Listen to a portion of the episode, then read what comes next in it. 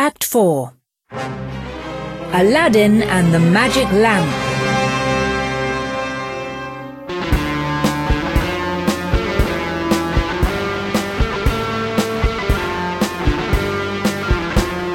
Hej och välkomna till Demonpodden. Podden där vi nu för tiden talar om kvinnliga filmskapare och filmerna som de har skapat. Jag heter Kalle Färm och med mig som alltid har jag Björn Waller. Hallå? Aron Eriksson. Hallå? Och Olof Ekström. Hejsan! Jag har liksom kommit haft för vana att säga det här om som alltid. Men ärligt talat, vi har ju allihopa missat något avsnitt här nu på sistone. Så jag får väl sluta säga det vid något läge. Men för, som för det mesta i alla fall. Eh, vi är här ikväll för att prata om tecknad film. Nämligen Lotte Reinigers The Adventures of Prince Ahmed. Eller som den heter på tyska, Björn. Die Abenteuer des Prinzen Ahmed. Jajamän. Från 1926 och Nora Twomis The Breadwinner från 2017. Alltså har vi liksom ett ganska bra tidsspann på kvällens två filmer. Det är 91 år emellan dem. Eh, och ändå, skulle jag vilja säga, kände jag att de talade ganska väl till varandra. Ja men verkligen. Så jag tror vi har en ganska intressant diskussion framför oss. Och ja, jag tror vi helt enkelt tar dem i den ordning de släpptes och för oss tillbaka till 1926 och en av de äldsta välbevarade tecknade filmerna, i alla fall tecknade långfilmerna som finns. Ja, det är, väl till och med, det är väl till och med den äldsta bevarade. Det är inte den första, för det gjordes ju tecknad långfilm redan på 10-talet. Men, Ja. eh, Ja, som, var, som var över en timme och sådär då. ja, Eh, precis. Men, ja. men, men de har gått förlorade. Ja. Mm. Och De det, brann här, upp. ja, och det här är den som finns kvar från så här tidigt. Ja. Trots har att, trots att den, eh, och det var väl nära att den inte gjorde det i och för sig för att eh, original eh, printen av det förstördes i, i belägringen av Berlin 1945 läste jag. Men, men det fanns ju som tur var bra kopior bevarade i andra länder. ja. Det, det är väl som med alla andra tyska stumfilmer att man hittade en kopia i, en, i ett mentalsjukhus i Argentina. Precis. Ja, i- just i det här fallet tror jag faktiskt att British Film Institute hade sparat en kopia. Så att, eh, Mentalinstitut som mentalinstitut. Ja. Det som jag inte riktigt har lyckats lista ut. Den klippningen som i alla fall jag såg här nu var 66 minuter. Det som ju ofta händer med sådana här stumfilmer och extra mycket med tyska stumfilmer tycker jag det känns som. Eh, alltså du vet, de hittar en kopia som är si och så lång och sen så går det några år och så hittar de en bättre kopia som är typ en timme längre. Är det någon som vet om liksom det här är så som filmen alltid har tänkt att vara eller om det är att vi ser en halv film här någonstans? jag, jag tror att det här är eh, ganska mycket som, som den är tänkt att vara. För att jag, jag läste någon, en text som Lotte Reininger själv skrev vid, vid en nypremiär av filmen 1972. Mm. Eh, och- om det här att det, att eh, och det verkar som att hon är inne på att den här kopian då som man hade hittat i London, att, den verkar, att hon verkar tycka den är komplett. Mm. Och det är ju, ska vi säga att med tanke på hur långt animeringskonsten har hunnit så är det ju värt att diskutera lite grann exakt hur Lotte Reiniger då gjorde den här filmen. Mm. Att hon gjorde den mer eller mindre på egen hand. Hon hade ett par medhjälpare men på det stora hela så har hon gjort den här filmen själv. Okej. Och den är då som sagt 65 minuter lång. Mm. Eh, 24 bilder per sekund. Som är ganska standard för stumfilm. Även oavsett om det är animerad eller live action. Mm. Och eftersom hon då inte hade något sätt att animera saker och ting eh, eller att flytta figurer så är, snackar vi alltså om att hon målade varje bild en och en. Den här filmen består alltså av runt omkring 93 600 målningar. Som visas 24 stycken i sekunden. Mm. Hon, hon började på den 1923. Så att, Ja, kan jag tänka mig i sådana fall. Och det är värt att tänka att hon var född eh, 99 va? Så hon var väldigt ung när hon gjorde den. ja, det ju Mm. Och jag tänker att den energin har man inte längre när man är över 30. Nej. Nej, det, det, det kan jag ligga långt i det. för Hon fortsatte att göra den här typen av filmer väldigt länge men det verkar som att eh, jag vet inte hur många fler långfilmer hon orkade göra för, för att eh, det känns som att mycket annat hon, har- hon har gjort senare är ganska Eh, att det är rätt mycket korta grejer i alla fall. Mm. Alltså, det var ju så här att den här, hela den här idén om långfilm till skillnad från kortfilm och sådär. Det är ju någonting som vi har börjat dela upp det väldigt strikt i kanske lite senare. Eh, om man liksom...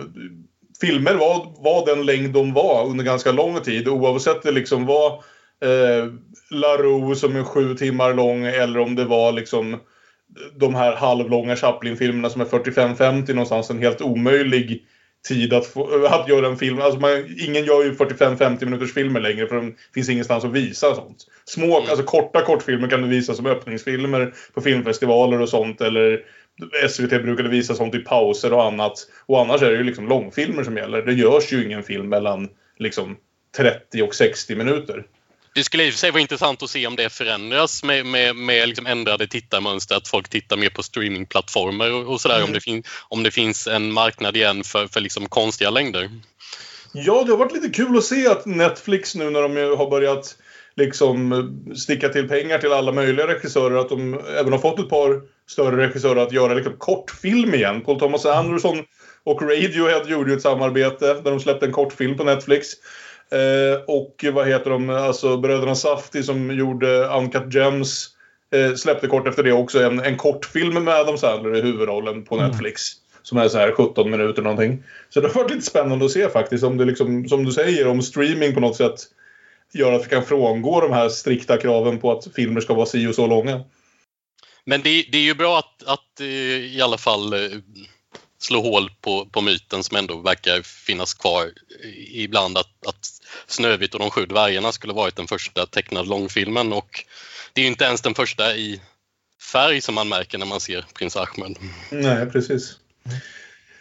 Ja, vem vill kort sammanfatta Prins Ahmed?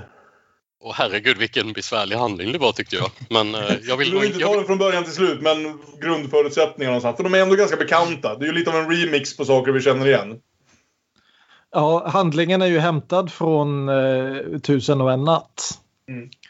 Ganska rakt av. Eh, så om man har läst den, och det har man väl, eller kanske inte.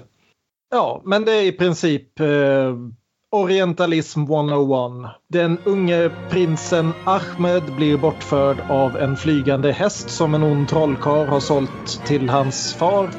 Han far på diverse äventyr tills han upptäcker att han måste ta sig hem och med hjälp av en eh, prinsessa han har kidnappat och Aladdin så slår han ihjäl den onde trollkarlen och kommer hem igen. Ja, i stort sett. Vilket jag hade en kopia av Tusen och en natt när jag, var, när jag var liten eller när jag var tio någonting. Jag läste den aldrig från början till slut men det var så att man liksom kunde bläddra och hoppa in och läsa en historia här och där. Eh, och som jag minns det hänger ju inte historierna ihop riktigt på det här viset där. Utan det är ju snarare att de har valt en tre, fyra olika och som sagt liksom remixat ihop dem lite grann. mm. Eh, för det här för att få liksom lite mer material. För det är lite kul någonstans. För jag gissar att nu för tiden på grund av Disney så är liksom Aladdin-historien den som flest kan bäst. Och den liksom poppar in här när det är typ en kvart kvar och får en väldigt snabb sammanfattning innan den liksom spelar in i, i, i slutslagsmålet. Jo men han är, han är en liten charmig sidekick här som kommer in Aladdin bara. Precis. Eh, jag hade Vi sett... börjar med akt 1 i alla fall och det är den här trollkaren som ser väldigt mycket ut som The Creature from the Black Lagoon när man ser honom framifrån. Vilket man bara gör i allra första scenen. Ja. Sen blir det profil på det hela. Ja, vi kanske ska förklara lite med tanke på att det är liksom ett audiomedium främst, liksom hur den här filmen ser ut. Att det är som det står i början, en silhuetten-film. Alltså att eh, det är väldigt, väldigt 2D. Det är till och med mer 2D än vad vi tänker på som 2D 2D-animationer nu för tiden. Det är ju i stort sett liksom ett skuggspel ibland mot liksom målade bakgrunder. Mm. Där vi förväntas tolka exakt vad det är som händer bara utifrån liksom skarpa svarta silhuetter mot olika färgade bakgrunder. Men jag tycker ändå Det är det är, väldigt snyggt. ja, det, Otroligt. det är ju fantastiskt vilket uttryck hon får i sina karaktärer där hon liksom ofta bara har ögonform och kroppsspråk att jobba med för att visa vilka känslor de går igenom och hur de ställer sig och alltihopa. Och det är ju det är enormt snyggt gjort. Ja. Eh, Jag hade sett den här en gång förut. Jag kollade upp det här för jag kände att jag minns den dåligt och det får snabbt sin förklaring. Det var den sista filmen jag såg innan jag blev förälder. Jag såg den kvällen innan Ivar föddes. Eh, 2013. Eh, och var förmodligen lite sleten rent allmänt just då och sen så har typ allting bara från den där helgen bara försvunnit in i något slags myller. Så det var verkligen att jag hade korta minnesbilder av vissa scener hit och dit men jag hade liksom inte kunnat återberätta den på något sätt kände jag. Så det var kul att få återkomma till den. Du liksom gick igenom och nu ska jag få ett barn, jag behöver se tecknad film, jag behöver lära pojken. Jag måste redan ha koll på vad som ska tas i vilken ålder. Jag tror helt ärligt det var så här. Jag visste någonstans vart den här helgen var på väg att barka. Kände jag vill titta på film men jag orkar inte med något liksom, för tungrot. Vad är den kortaste film jag har liksom, inom räckhåll? För som sagt 66 minuter. Jag vill minnas att det var precis på det, så jag valde att se just den just den kvällen. Eh, Förresten, vi pratade om olika versioner av den här filmen. Det, det finns väl i och för sig eh, olika versioner kommer jag på. Och, eh, jag, jag såg den, eh, jag har nämligen sett den två gånger den här veckan. Jaha! Eh, för att eh, de är inte olika långa, men det finns eh, en version med ett eh, berättarspår som, som är liksom eh, en, en berättare som, som berättar eh, vad vi ser och det är liksom eh, tydliga, jag vet inte riktigt, jag har inte fått riktigt klart för mig om den visade sig så på bio men det är tydligen baserat på ett manus som, Ah, okej. som Lotte Reininger själv har skrivit. Så det, det, det är lite som Chaplin gjorde med sina stumfilmer på 40-talet alltså? Ja, kanske. Eh, Tan- tanken måste ju varit, eftersom det här är ju liksom innan den, det vi tänker på som ljudfilm. Så tanken var att det skulle finnas ett manus som liksom en person i salongen skulle kunna läsa upp. Precis som Karl i Larmor gör sig ja. till liksom. Det är det jag funderar på, för, för att det är åtminstone i vissa länder var ju det ju rätt populärt att även på, eh, att man körde det på stumfilmer. Jag vet i Japan var det väldigt mycket sånt, bland annat att det, att det var en berättare som berättade vad karaktärerna höll på med och att det kan vara ett manus som används i sådana sammanhang kanske.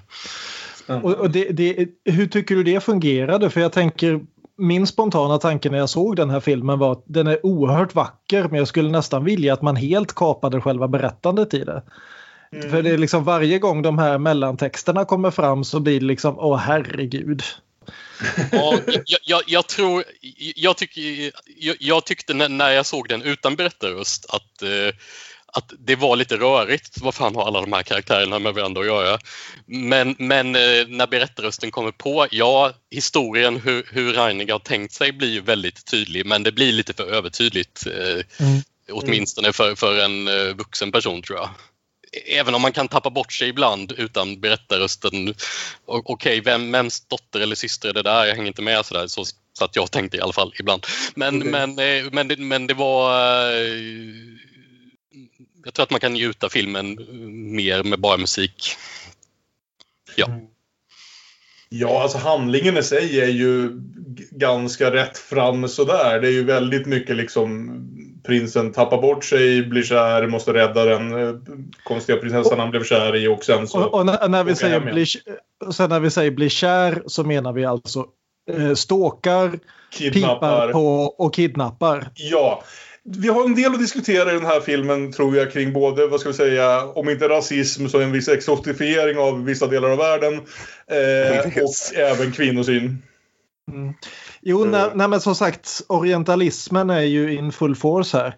Mm. Och det, det är ju väldigt intressant att liksom se det här förkrigsinställningen mot eh, det man väl i brist på bättre får kalla Orienten. Mm. Eh, det är väl lite ospecificerat någonstans Turkiet, Arabien det här utspelar sig.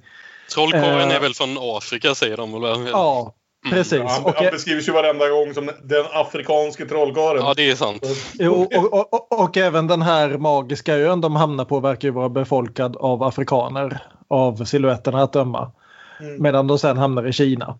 Ehm, och det är ju liksom, det är ju intressant liksom vilken välvillig exotifiering det ändå är av islam på den här tiden. Mm.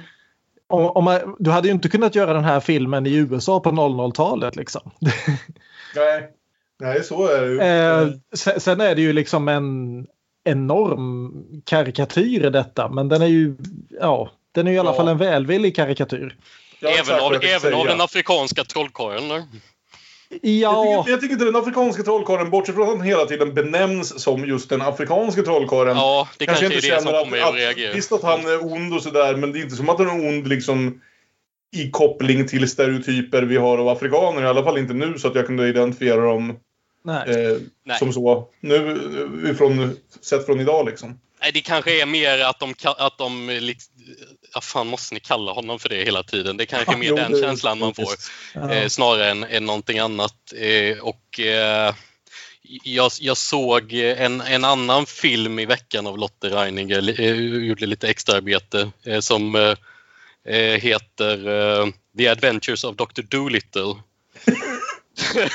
Så hon, har, hon har gjort en filmatisering av Dolittle-böckerna alltså, som är Mm. på 33 minuter. Eh, och, Det, det eh, låter ju bättre än den med Eddie Murphy alltså. Ja, men, men och det handlar ju då om att Dr. Dolittle ska åka till, till Afrika och bota några sjuka schimpanser eller någonting. Eh, och bilderna av dem, alltså hur man visar upp de människor som bor i Afrika där var väl inte helt sund. Eh, de- den, den filmen reagerade jag en del på och jag kände väl inte riktigt så eh, av prins Ahmed ändå. Nej. Men vi får komma tillbaka till där Aron var för en kvart sedan. Akt 1. Ursäkta. Nej, jag tycker det är bra. Jag gillar att ha de här allmänna diskussionerna. Jag tycker de är viktiga att ha. Men det är också... få- För som sagt, det är inte som att handlingen är så mycket här. Och man vet hur Tusen och natt funkar och har sett liksom de, de simplaste hjältehistorier så kan man ju ungefär vad som finns här. Men jag vill bara inte Mm. hoppa förbi den här stunden eh, där vår hjälte då, prins Ahmed mer eller mindre tvingas upp på en flygande häst som har spakar. Mm. Det är så Och, och, och, men, men, men bara kort sättet Mm. som Reiniger skapar den här hästen på. ja. Att hon har liksom ett par olika animeringstekniker eller då målartekniker i samma bild. Mm. Att hon har liksom trollkaren som är verklig har de här eh, klippt i silhuett. Medan däremot hästen börjar som någon sorts eh, olja och vattenmålning eller någonting. Mm. Som sen gradvis tar mer och mer form och plötsligt är en helt urklippt silhuetthäst. Det är enormt jävla snyggt. Ja, det är skithäftigt. Men jag bara just, just älskar det här konceptet och funderar på hur de funderar på det. Är det någon slags magisk häst som har växt ut liksom Cronenbergska spakar eller är det någon slags maskinhäst? För att eh, fe- felcitera Star Wars, he's more helicopter than horse now.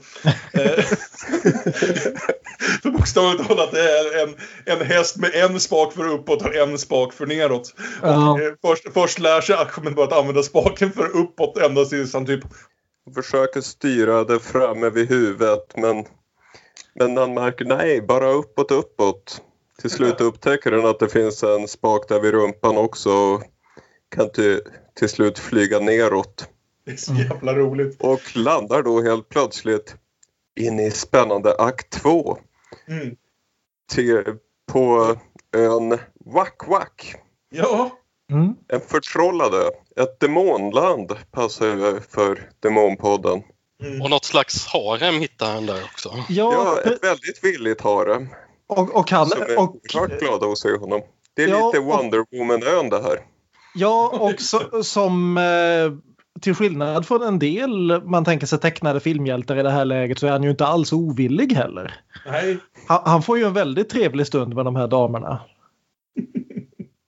Det, Ja, det, det- det, det är liksom inte kyske Sir Galahad här direkt. Nej, han är inte ädel eller så på det sättet. Nej. nej. Nej. Nej, det är snus. Eh, och det blir liksom en liten slapstick-grej där alla vill dansa med varandra och pussa på varandra tills de hänger i taklampan som kraschar ner. Och alla ramlar ut. Eh, och så Och då sticker, sticker prins Ahmed innan han behöver fixa till någonting. Ja, exakt. Ja. precis. Det är ju Han liksom, man är, man är gärna med på drottningen fest. där istället. Men exakt, det är som alla. Man, man är med på, med på någon fest som styrar ut lite grann och det är då man smiter när någon råkar slänga kristallkronan i golvet liksom. Eh, Vem ska städa upp det här? Ehm, jag måste bara mata i pengar i hästen. Ja. Ja, men, men, men så han flyger i alla fall iväg till grannön där han då gömmer sig bredvid en sjö och väntar tills eh, de här kvinnorna kommer för att bada. Och då har vi liksom å ena sidan det här att Ahmed då gömmer sig under ett snår och spionerar på dem. Men å andra sidan att vem kan förebrå honom det? För det här är också så inåt helvete snyggt animerat. Med, med, med liksom att man verkligen, trots att det är siluetter alltihopa, ser liksom ben som går ner under vattenytan och bryts i, eh, bryts i liksom vatt, vattnet. Och, ja, nej, men det är så jävla snyggt alltså. Ja. Och så också det här att de här eh, magiska kvinnorna har någon slags dräkt som gör dem till fåglar. Eh, vilket är alldeles fascinerande. Så när han stjäl deras kläder, vilket inte, inte att rekommendera egentligen Ahmed, men så är det ju inte att han stjäl liksom ett vanligt plagg med kläder utan han stjäl ju någon slags magisk fågeldräkt som förutom att ge dem liksom eh, täcka deras kroppar låter dem liksom flyga omkring. Ja. Ja. Och att, det är ju en del, och att det är också en del av deras identitet sådär, så det är ganska allvarlig sak att stjäla. Ja. Nej, nej, men så alla kvinnorna utom en lyckas ta sig därifrån och denna enda blir så förtvivlad så att hon svimmar och då måste han ju ta henne med sig. Utan att klä på henne först.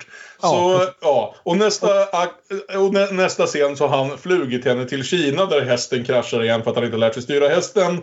Och då kommer ju den här scenen där bara Varför är du ledsen för? Gift dig med mig så har allting ordnat sig. Det är liksom så här, var inte rädd för mig. Jag har snott dina kläder, kidnappat dig, smygkollat när du nakenbadade, väntat tills du svimmade och då flög jag dig till Kina på min mekaniska häst. Varför är du rädd för? Ja. Men hon verkar ju samtidigt tycka att det här var mer... Hon går ganska snabbt över till att hon har blivit befriad. Ja, Och tycker att eh, problemet nu... Ja, jag skulle gärna gifta mig, men Wack-Wack-demonerna. Vi måste se upp för Wack-Wack-demonerna. Ja, Det är de som är problemet här. Det går väldigt snabbt där, det gör det. Den, kla den klassiska ursäkten för komma ifrån en kar som vill lite för mycket. Ja, jag skulle kunna hångla med dig, men du vet, wack-wack-demonerna. Och sen när de ändå är i Kina så kommer en kängurudemon och knycker den här påfågeldräkten.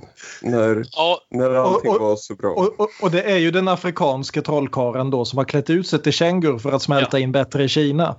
Alltså, Ja, jo, det det, kändes, det kändes fruktansvärt logiskt. men, men, Ja, men vid det här laget så är man ju bara give it to me. Ja, men man, man kan ju inte låta bli att undra om det, om det är meningen att säga någonting om eh, den afrikanska trollkarlens dåliga koll på Kina eller, eller Lotte Reiningers. Exakt. Man, Jag, jag, jag har en kommentar här i mina anteckningar som jag säger. Trodde tyskarna att det fanns kängurus i Kina? Men eh, ja, jag ska säga också, jag såg första halvan av den här filmen tillsammans med Ivar innan, innan han fick något bättre för sig. Men han var faktiskt oväntat fångad av den. Liv som ju då är knappt fyra tyckte mest det här var konstigt och ville hitta på något annat istället. Men Ivar var lite, lite fängslad av det och tyckte det såg ganska coolt ut. Så det, det är kul att veta att det liksom faktiskt funkar fortfarande för att hålla barn eh, liksom fast vid den i åtminstone 30 minuter eller någonting. Man får dela upp den i fem avsnitt. De fem Ja. akterna blir en sommarföljetong. Ett avsnitt varje morgon. För akt 3 börjar väl då med att trollkaren säljer den här tjejen, Paribanu som hon heter, Ja, till, till kejsaren av Kina.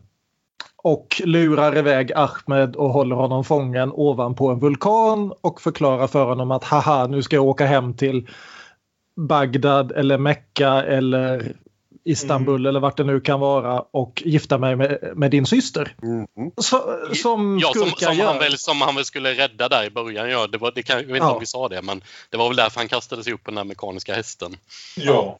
För att det var något sätt att bevisa jag vet inte, att, att han var bättre än trollkarlen och så skulle hon, hans syster slippa gifta sig med trollkarlen. Ja, trollkarlen hade ju visat upp sin häftiga flygande häst. Och kungen, eh, kalifen, sa, dum som han är, du får vad som helst i mitt kungarike om jag får den häftiga hästen. ja, just det. Och trollkarlen sa, haha, då tar jag din dotter. Oh no! Men sagt är sagt. Vilken missräkning! Ja? Men tack och lov så kommer det ju en häxa. Ja. Som liksom blir... Trollkarlen har ju varit dum nog att lämna sin fiende på sin ärkefiendes vulkan, Eldberget. Och det är inte Ja, den sista enorma sammanträffandet. Nej.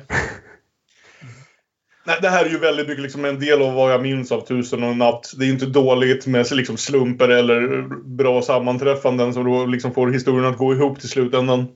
Ändå. Det är väl liksom ganska ofta så olika legender och myter berättades. Och sen så råkade han snubbla på den enda personen på 5000 mil och det var precis den personen han letade efter. Eh, och så vidare. Och så vidare. Det kommer vi till alldeles strax. För Ja.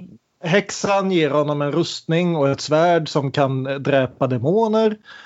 Så de avbryter bröllopet mellan Paribanu och kejsarens eh, favorit. Dvärg, någonting. Så missade jag, bara att de inte visste riktigt hur de skulle uttrycka det i Ja, bild. Ja. Och eh, kämpar ner demonerna och har lite Rajtan Tajtan för sig i en himmelsäng. Som är väldigt explicit för att vara en tecknad film från 1926. Det är, liksom, det, det, det är inte snack här om att åh, jag har räddat dig, du får en kyss på handen. Utan det är Nej. direkt till verket. Ja, det, är, det är inget Disney hade vågat göra detta. Nej.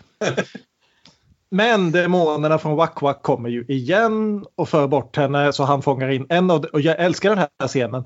Att han fångar in en demon och tvingar den att flyga honom efter de andra demonerna. Och Reiniger animerar då detta ungefär så som man kan tänka sig när en fullvuxen kar i rustning sätter sig på en liten flaxande demon som förtvivlat försöker hänga med. Det är ryckigt och hoppigt och dant så det svänger om det. Det, det vinglar åt alla håll och kanter. Jag gillar det. Mm. Ja, alltså, som sagt, det går ju inte att säga no nog att rent visuellt är den ju något av ett unikum. Vad skulle du säga Olof som har sett lite mer här nu? Är det samma stil mer eller mindre i, i Reinigers andra filmer? Eller den du såg i alla fall? Ja, det tycker jag nog. Det, det jag har hunnit se. Eh, men eh, det känns ju som att eh, alltså prins Ahmed är nog ganska eh, påkostad och, och, och genomarbetad. Just att det är så, det är så många olika figurer och, och allt. Det är väldigt komplicerat och sådär. Så, att, så att det, det, det jag har hunnit se utöver den här kanske inte... Jag har inte sett något annat som matchar detta. Nej, okej. Men, men eh, jag har inte hunnit se jättemycket mer. Men, men alltså den här Dr. Dolittle till exempel var väldigt mycket enklare. Skulle jag säga. Mm. Ja, det känns mer som något hon slängde ihop på en vecka snarare än tre år. Men alltså, Okej. nej, nej, nu kanske jag överdriver. Men ja. Jag, jag, tror, att, jag tror att hon... Eh, alltså att det här verkligen är ett... Eh, ett projekt som har fått ta väldigt mycket tid och väldigt mycket pengar med prins Ja. Ahmed. Just det. Och sen efter allt det här så liksom kommer någon på att jo, men vi kanske ska berätta historien om Aladdin och anden i lampan också. För det är väl, gissar jag, även med den här tiden kanske en av dem som man eh, som var mest Ja. berömd från Tusen och en natt. Så det var ju Och- liksom, ja. Och jag, och jag älskar hur de kommer in på det. Därför att när de väl kommer fram till Wack Wack så slår ju porten igen i ansiktet på Ahmed. Och han får veta att The gates of Wak Wak open only to the one who the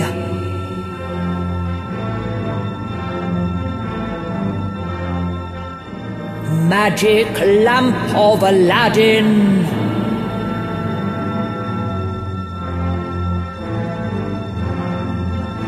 possesses. Och han vänder sig om och tittar sig om och ser där nere i dalen är det någon som blir hotad av ett monster. Så han skjuter monstret och gissar vem det är. Jo, det är Aladdin. Det är Aladdin. Det är alla. Det är fin Aladdin. Det är liksom, Väldigt vad fan var oddsen? ja, eller hur? Och vad händer sen? Och- Då får vi, sen får vi alla backstory lite grann, eller? Ja, exakt. Men först gillar jag det här att trots all den här otroliga slumpen och turen som han ändå haft blir han så sjukt besviken när han träffar Aladdin och Aladdin inte har sin lampa. Och det kan jag ju förstå. Om det är liksom någonting Aladdin är känd för så är det ju att ha sin jäkla lampa. Så det är liksom som att man skulle träffa Keith Richards och så var han nykter just den dagen. Liksom. Eller inte satt högst upp i en palm eller något. Precis. Ja, och Jo, men alla de här animeringarna hon gör här just runt lampan och dess historia är ju så fantastiskt. För återigen, här blandar hon tekniker. Så hon har liksom siluettspel och hon har vanlig animation ovanpå det och hon har liksom oljebålningar och alltihopa som kraschar samman och liksom ja. Det är så fantastiskt snyggt. Ja. Men vi får också historien här att Aladdins backstory här är att han har varit gift med Ahmeds syster. Och man tycker att Ahmed borde ju ha vetat detta. Jag tänker att det är att han har varit borta ett jävla tag. Alltså filmen uttrycker inte det här. Jag tänker att Ah, allting okej, om Aladdin har hänt Ja. sedan mekaniska hästen slet iväg honom till... Du Eh, tänker så? Jag tänker det Jag håller så. med Kalle, men jag behövde spola tillbaka här och se om akt 4 för att lägga ihop det här. Ah. Det är väldigt komplicerad handling. Ja, för, för, det, för detta var en sak som jag, hade lite, som jag hade lite svårt för även efter att ha sett den två gånger. Ja, men jag tror att det måste vara så. För jag menar ändå om man tänker på det, det tar nog ett litet tag att liksom först flyga till Wak Wak, kidnappa en, en vad hon nu är, inte en trollkarl, vad är, vad är en kvinnlig trollkarl om man inte säger häxa utan en snäll. Trollkvinna. A- Antyder du att häxor inte är snälla? Ja, I den här filmen är de ju det. Det är ju ändå en bra bit även på en cool mekanisk häst i Kina. Så jag tänker att han har varit borta ett tag här och under den tiden så har liksom historien om Aladdin som vi känner den hänt. Det låter ju vettigt. faktiskt. Jag Ja. förstår, för trollkaren var ju också den som lurade ner Aladdin i den här brunnen där han hittade sin lampa. Mm. Vad var trollkarens plan där? Var han en bara lite fan? Här har vi en yngling. Ha! Vet ni vad jag ska göra för att få den här förmiddagen att gå snabbare? Jag ska sänka honom i en brunn. Ja, särskilt en brunn som har liksom en legendarisk skatt i sig som han bara verkar skita i när det blir lite jobbigt liksom. Mm. Det, det, är liksom, det är inte ens jag lurade dig, nu tar jag din lampa och lämnar dig Nej. kvar i brunnen. Utan det är haha, jag lurade dig, nu lämnar jag dig i, i brunnen med lampan. Jag tror att jag bara liksom lägger in här de, att de bitarna vi inte riktigt får se är ungefär det som händer i Disneys Aladdin. För den kan Ja. jag mer eller mindre utan till Att han på något sätt tror att han har fått lampan men så visar det sig att nej, det var något annat istället som såg ungefär likadant ut och så vidare. Ja. Men i alla fall som sagt så använder Aladdin använder lampan för att hålla fram ett helt slott åt Ahmeds syster och gifta sig med henne. Med deras pappas goda vilja men sen så stjäl eh, den afrikanska magikern lampan och både slottet och systern försvinner och han blir utjagad ur Bagdad i Istanbul. Tack och lov så dyker ju häxan upp igen och det blir fighting mellan henne och den afrikanska magikern och häxan vinner. Och det här är ju exakt eh, Och vilken scenen. vild jävla fight. Ja, det är ju scenen. Om någon annan har sett Disneys Svärdet i stenen på sistone så har den ungefär den här fighten mellan eh, Morgana, Ervel och, och Merlin. Där de Exakt, förvandlas ja. till alla de olika sakerna. De Jag kan tänkte vara- precis det. Ja, jag gillar, men jag gillar också det här att eh, trollkaren någonstans, han börjar med att förvandla sig till ett lejon. Men sen tänker han, nej det här duger inte och förvandlar sig till en tupp istället. Ja. Mm. Och det slutar med att de bara kastar molotov cocktails på varandra i två minuter. Mm. De är hej vilda. Jo, men Det det, är det, är i mer princip, ilska än taktik på slutet. det är i princip trollkarlen Tim i eh, Monty Python and the Holy Grail. Ja, precis. Men i slutändan så ligger magikern död och häxan tar lampan och eh, Aladdin öppnar porten. Och så blir det fighting mot demonerna ett tag. Andeslaget i Wack Wack. Mm. I slutändan så använder de lampan för att döda alla demoner och alla får varandra på slutet. Ja. Ja, det går ganska fort här på slutet. Mm. Det märks som att hon kanske började närma sig en deadline någonstans. För det är väldigt mycket fighting och ganska lite tid att hänga med på vad som händer Mm. på slutet. Eh, när, när det först är trollkarlsfight och sen demonfight. Eller att actionsekvenserna var roligare och så, och så bara... Ja. Fan, nu, nu, nu orkar jag inte med det här mer. Ska de hålla på och pussas och skit? eh, nu, nu avslutar vi den här filmen. Ja. Ja. Men, men, men även här som sagt, för, för det är ju det här fantastiska, vad ska man säga, minskådespelet hon gör med de här siluetterna. Just den här scenen där då de två paren kommer tillbaka till kalifen och eh, Ahmeds syster ska övertyga sin far att låt, eh, låta henne ta tillbaka eh, Aladdin som sin make och alltihopa. Mm. Och allt det här görs helt och hållet med kroppsspråk och det, det är snyggt gjort. Det är helt otroligt rent generellt hur mycket den klarar att berätta med ändå vad man skulle tycka är ett ganska begränsat medium. Just de här liksom skarpa siluettbilderna. Jag tycker aldrig det är någon större svårighet att hålla reda på vem som är vem och sådär. Jag tycker det, och de har dessutom ett snyggt drag precis i början att vi verkligen får liksom en rollista. Där hon först presenterar att så här ser siluetten av Ahmed ut, så här ser siluetten av trollkaren ut. Så vi liksom ska kunna hänga med och förstå utan att liksom det blir krångligt att vem är vem. Och så att hon lyckas få dem att se ganska distinkta ut från varandra. Mm. Den kinesiska kejsaren ser ut som en katt. Mm. Och så slutar filmen med en översiktsbild på ett gäng minareter och vi får veta att morgonbönen klingar ut till Allahs ära och världen är som den ska igen.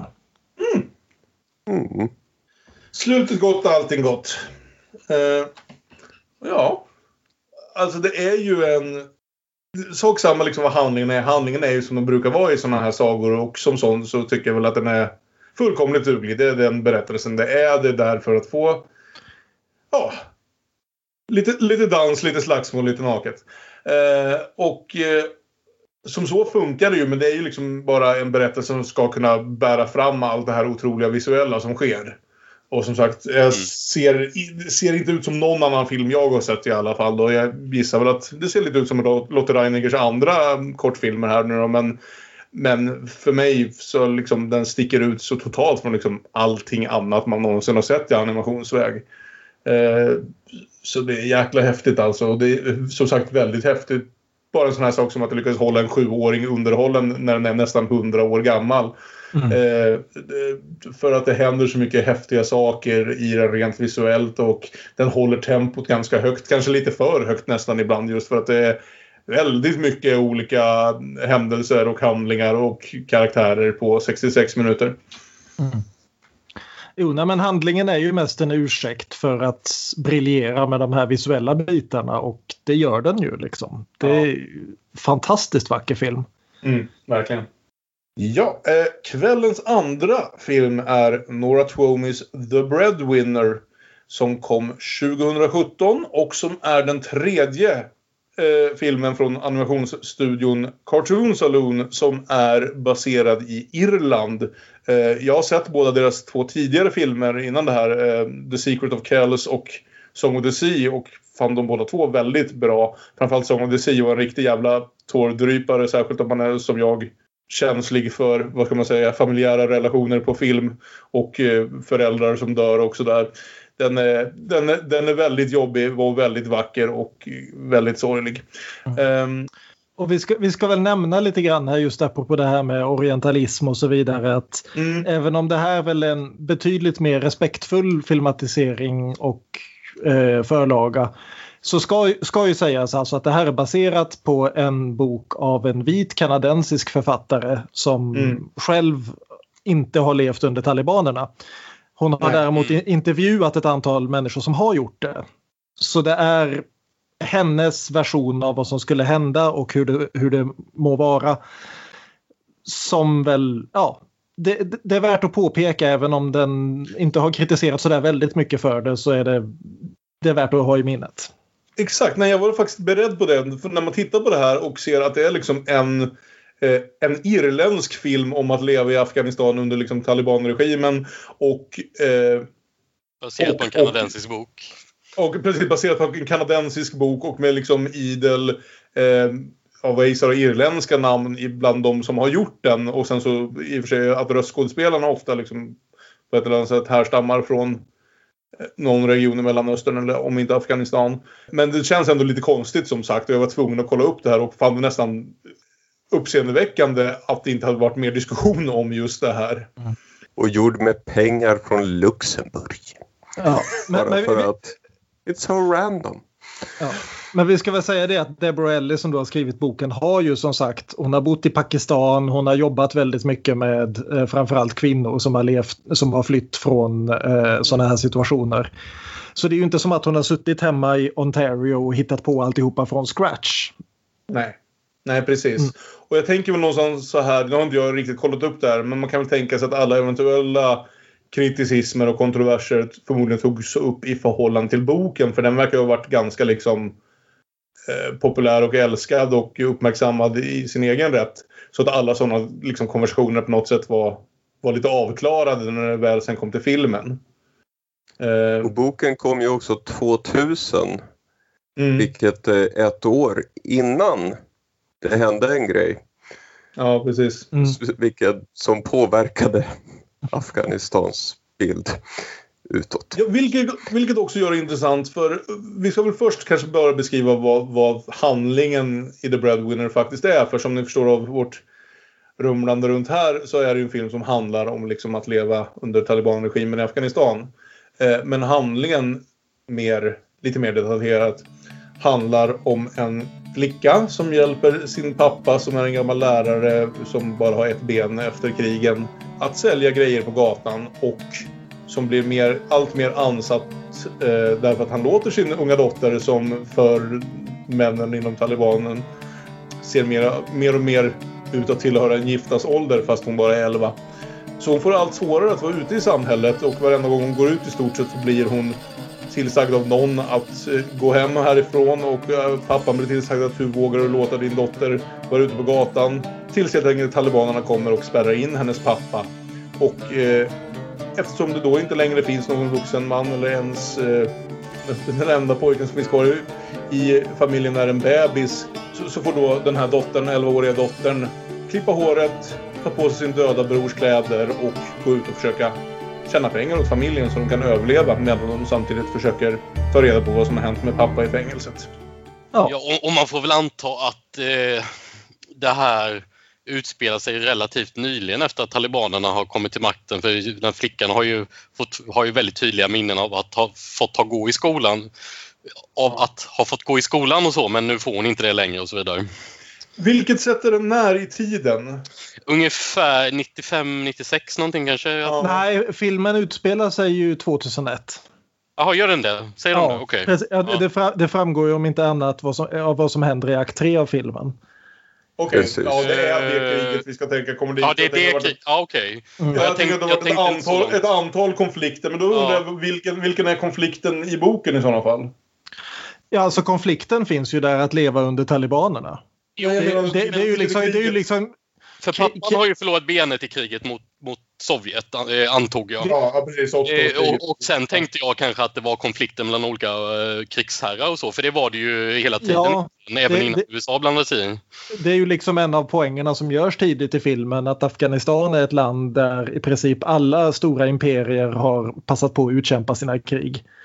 Och det är ju inte så att det har funnits någon brist. Det är ju en sån här sak som tas upp ibland när man snackar med västeuropeer om kriget. Då, då vet man vilket krig man menar. Ja. I vissa delar av, av världen så är det inte så enkelt att du kan säga kriget med stort K och bestämd artikel. Och jag tycker den här filmen öppnar så väldigt, eller hela filmen, precis som Prins Ahmed var enastående visuellt, så tycker jag faktiskt att det är någonting som Cartoon Saloon också alltid lyckas med. Alla de här tre filmerna jag har sett av dem ser helt fantastiska ut. De har ett sätt att, att kombinera olika animationsstilar till något som ändå känns ganska unikt. Nu har vi liksom ett gäng olika eh, animationsstudior som gör olika typer av tecknad film. Liksom mest känt förmodligen ja, Pixar, vanliga Disney och, och Studio Ghibli i Japan. Eh, men det har dykt upp några sådana här andra studios också. Cartoons Alone och den andra heter, heter Laika vill jag säga, de som gjorde Coraline och så vidare. Och det som är så intressant är att med en animationsstudio så följer ofta en väldigt specifik stil. Att du nästan kan titta på en av de här filmerna och direkt säga vilken studio den kommer ifrån. Eh, och, och som sagt, den här följer en visuell stil som eh, implementerades i de här två tidigare då, The, The Secret of Kells och Song of the Sea. Bara det att den sen i huvudsak utspelar sig i den verkliga världen, vilket inte riktigt stämmer för någon av de tidigare. Utan den lämnar de här riktigt liksom, fantasifulla elementen till de här historierna och sagorna som berättas in, inom filmens historia. När den helt byter stil. Vilket är otroligt effektivt. Mm. Jo, och den börjar ju med den här scenen med en ung människa som vi då antar är vår huvudperson Parvane. Mm. Eh, som ligger och drömmer eller ligger hopkrupen i alla fall inne i en cirkel av röda moln medan man hör röster som skriker och eh, bomber som kreverar. Och Netflix eh, undertextning, för den här filmen finns ju på Netflix och väldigt enkel att se för alla.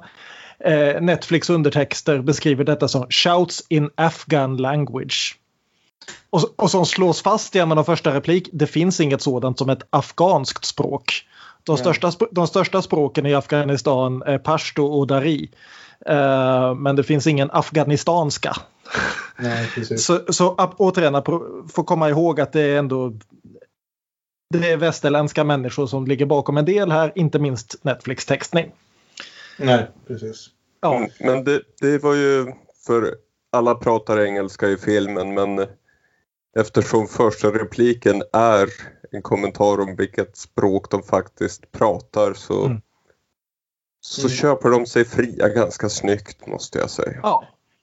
Ja, det där är ju, det där är ju liksom en variant som används ganska ofta, inte minst av Hollywood, att eh, liksom börja en scen på ett annat språk bara för att helt plötsligt låta karaktärerna väldigt tydligt övergå till att prata engelska bara för att liksom markera att de pratar inte faktiskt engelska men herregud vill ni lyssna på ja, kanske det mest berömda fallet, jakten på Röd Oktober där, där, där Sean Connery och eh, Peter Finch, som jag tänker mest på från, från tv-seriens Books, börjar en dialog på ryska och avslutar den på, på engelska. Se, idu kak tats, blažen, botrosvujushi i kranjashi adjezdu svaju. i on sabralek na mieste. Nazivajma je Paevriesky Armageddon. And the seventh angel poured forth his bowl into the air, and a voice cried out from heaven, saying, It is done. Eller i Mel Brooks version of uh, eh, To Be or Not To Be. Wiesz, Jakub Ziarski, ty dziękuję, dziękuję. Wiesz co? Mam cię w dupie.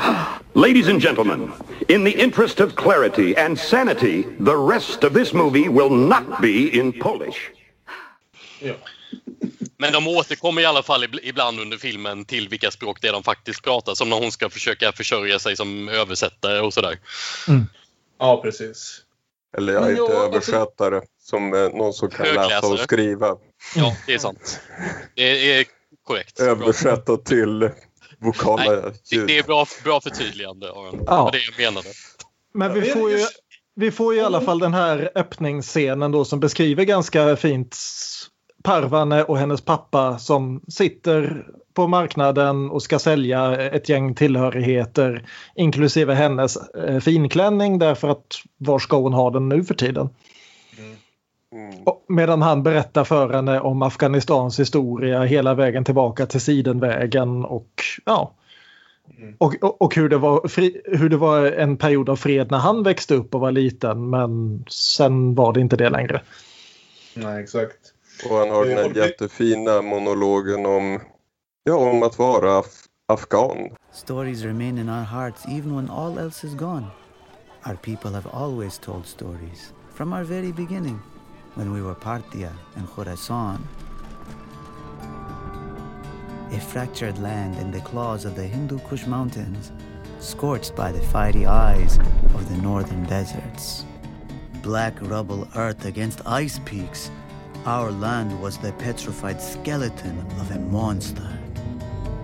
We were Oriana, the land of the noble and honorable. We were a pathway to everywhere, carrying goods from east to west. Mm, ja, men fi fi- filmen För- vill liksom ja, ga- ganska gärna slå an just att, att den har en respekt för den här kulturen och att den inte vill...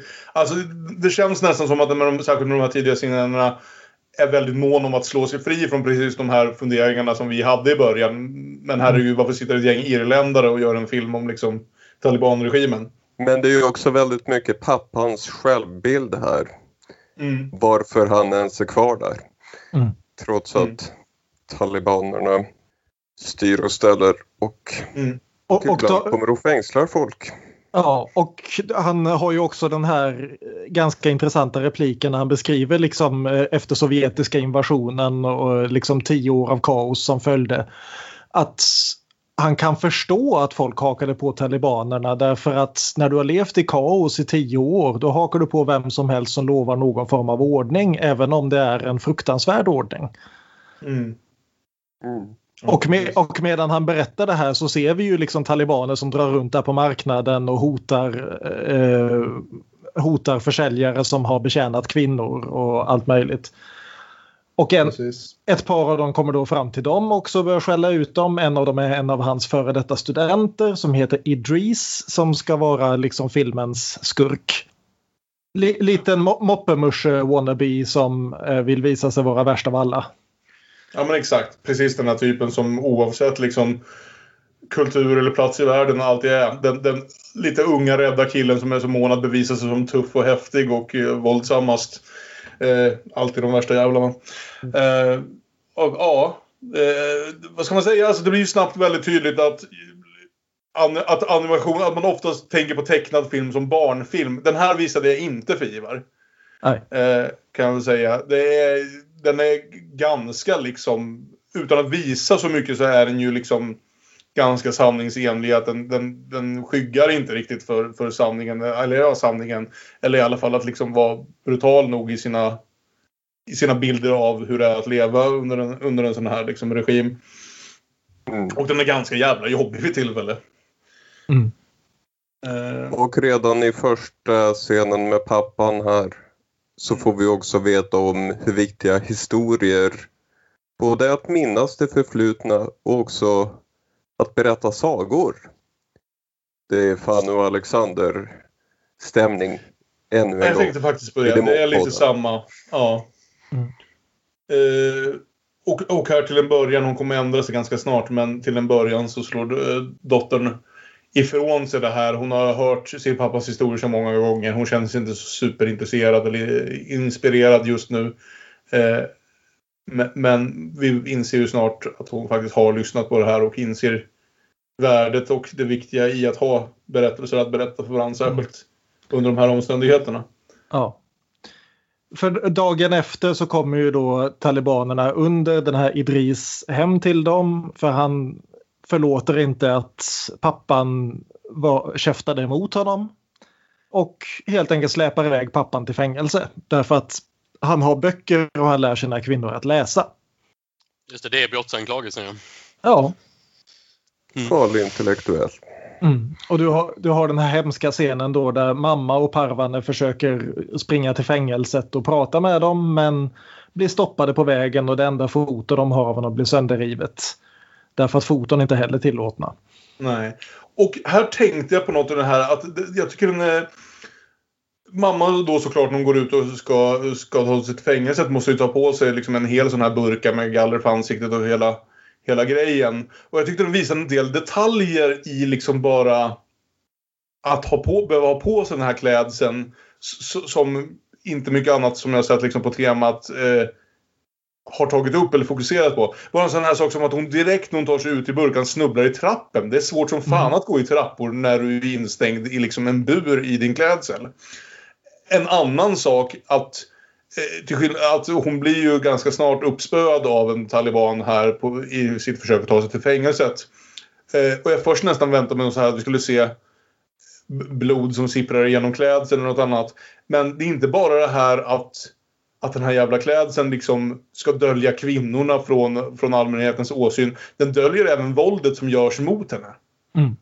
Men, men, och samtidigt så tycker jag det är något intressant, eller det, det är en annan intressant grej i den scenen också, hur hemsk den än är. Nämligen att den beskri- i hela filmen så är ju fokus inte bara på vad det här kvinnoförtrycket gör mot kvinnorna utan också vad det gör mot männen. Mm. För den här soldaten som gör det, han verkar inte må bra av detta och han flåsar och ser sig omkring och ser rädd ut. Och sä- säger åt henne att spring hem nu innan jag måste arrestera dig. Det är liksom, han, han är livrädd. Det ligger något i att, att, att han som liksom kanske tänker att ja, men, har jag spöat upp henne tillräckligt mycket nu? Kan jag, kan, Ja. jag, låta, kan jag låta henne gå nu eller kommer jag själv eh, bli skjuten eh, eller Ja. misshandlad om jag inte... Ja. För det, det kommer ju att återkomma genom hela filmen med just att de redan från början verkligen slår fast det här att det är inte fråga om en anonym våldsam massa som hatar kvinnor utan det är Nej, nej. patriarkatet skadar alla. Patriarkatet skadar alla och den här typen av liksom regimer eh, tvingar in folk i det som, som man hoppas. Liksom det, det, som, vi alltid, som vi pratade om för bara några avsnitt sen. Vem vet hur man hade reagerat själv om man, om man bodde i Nazityskland under 30-talet. Vilken sida man hade tagit. Man gillar att tro att man skulle vara såklart på rätt sida och stå upp för sina ideal och så. Men vem fan vet? Vem av oss hade varit en slavdrivare i USA på 1700-talet liksom? Men man, människor fastnar i de, i de här regimerna och liksom gör saker, om inte mot sin vilja så i alla fall utan att sätta sig själv i första hand utan att de nödvändigtvis är liksom fullt och helt troende på principerna bakom det utan de är rädda precis som alla andra för, för vad som kan hända dem. Ja. Så nu har de ju ganska svårt hela familjen eftersom Parvan är i princip den enda av dem som, eh, som egenskap av icke, ännu icke könsmogen tjej som kan gå ut och göra någonting överhuvudtaget. Men även för henne är det ju livsfarligt. Och ingen på marknaden får sälja till henne heller. Så eh, de ser ut att behöva svälta. Precis. Och under tiden medan de är hemma så börjar hon berätta en historia för sin lillebror. Om, vad ska vi säga, det är en saga om en pojke som ger sig av för att stjäla tillbaka utsädet från den onde elefantkungen. Mm. Och den är till, till en början här så känns den väldigt mycket som en ganska generisk saga. Den kommer att komma tillbaka och göra det med besked. Ja, nej, och som sagt det är här som animationsstilen helt och hållet förändras till någonting som liksom nästan mer ser ut att vara eh, alltså klippt i papper. För även om det är väldigt vackert där, an, resten av filmen, vad ska man säga, de, de verklighetstrogna delarna av filmen eh, så är de ju ganska traditionellt målade. Eh, så därför blir det så slående just när liksom hela filmen bara byter stil för att vi går in i de här sagorna och jag älskade det så mycket. Och även berättarstilen byter helt och hållet. Den, Ja. går, in i, den går in i en väldigt liksom typisk, eh, lite mera komedi. Vilket är begripligt för det är någon form av eh, eskapism i det här. Men du har det här återkommande skämtet att berättarrösten förklarar och då sa det pojken att jag ska stjäla tillbaka utsädet och så hör man pojken säga jag ska stjäla tillbaka utsädet. och jag garvade varenda gång. Det är så jävla roligt. Så det blir liksom dels, och det blir så intressant för eftersom det är en ganska tung film i stora delar så blir de här sagorna liksom lite att, att det lättar upp det för oss också. Man liksom kan andas ut lite grann. Så att sagorna fyller samma funktion för oss som tittare som det gör för den här familjen. Att låta dem andas, att låta dem faktiskt leva lite grann och känna någon liksom mild form av lycka mitt i all den här jävla misären de befinner sig i. Ja, jag, jag, alltså, vi brukar alltid liksom... Men jag tycker jävla bra om den här måste jag säga. Som sagt, jag, hade, jag kämpade lite själv med vad jag tyckte om just det här att... Att, att sammanslå den här berättelsen med vilka det är som, som berättar den. Men att bara se den som film sett så tycker jag att den är jävligt välfungerande alltså. Mm. För sen har vi ju den här väldigt fina scenen då där eh, Parvaner själv bestämmer sig för att ta saxen och gå in i badrummet och börja klippa av sig håret.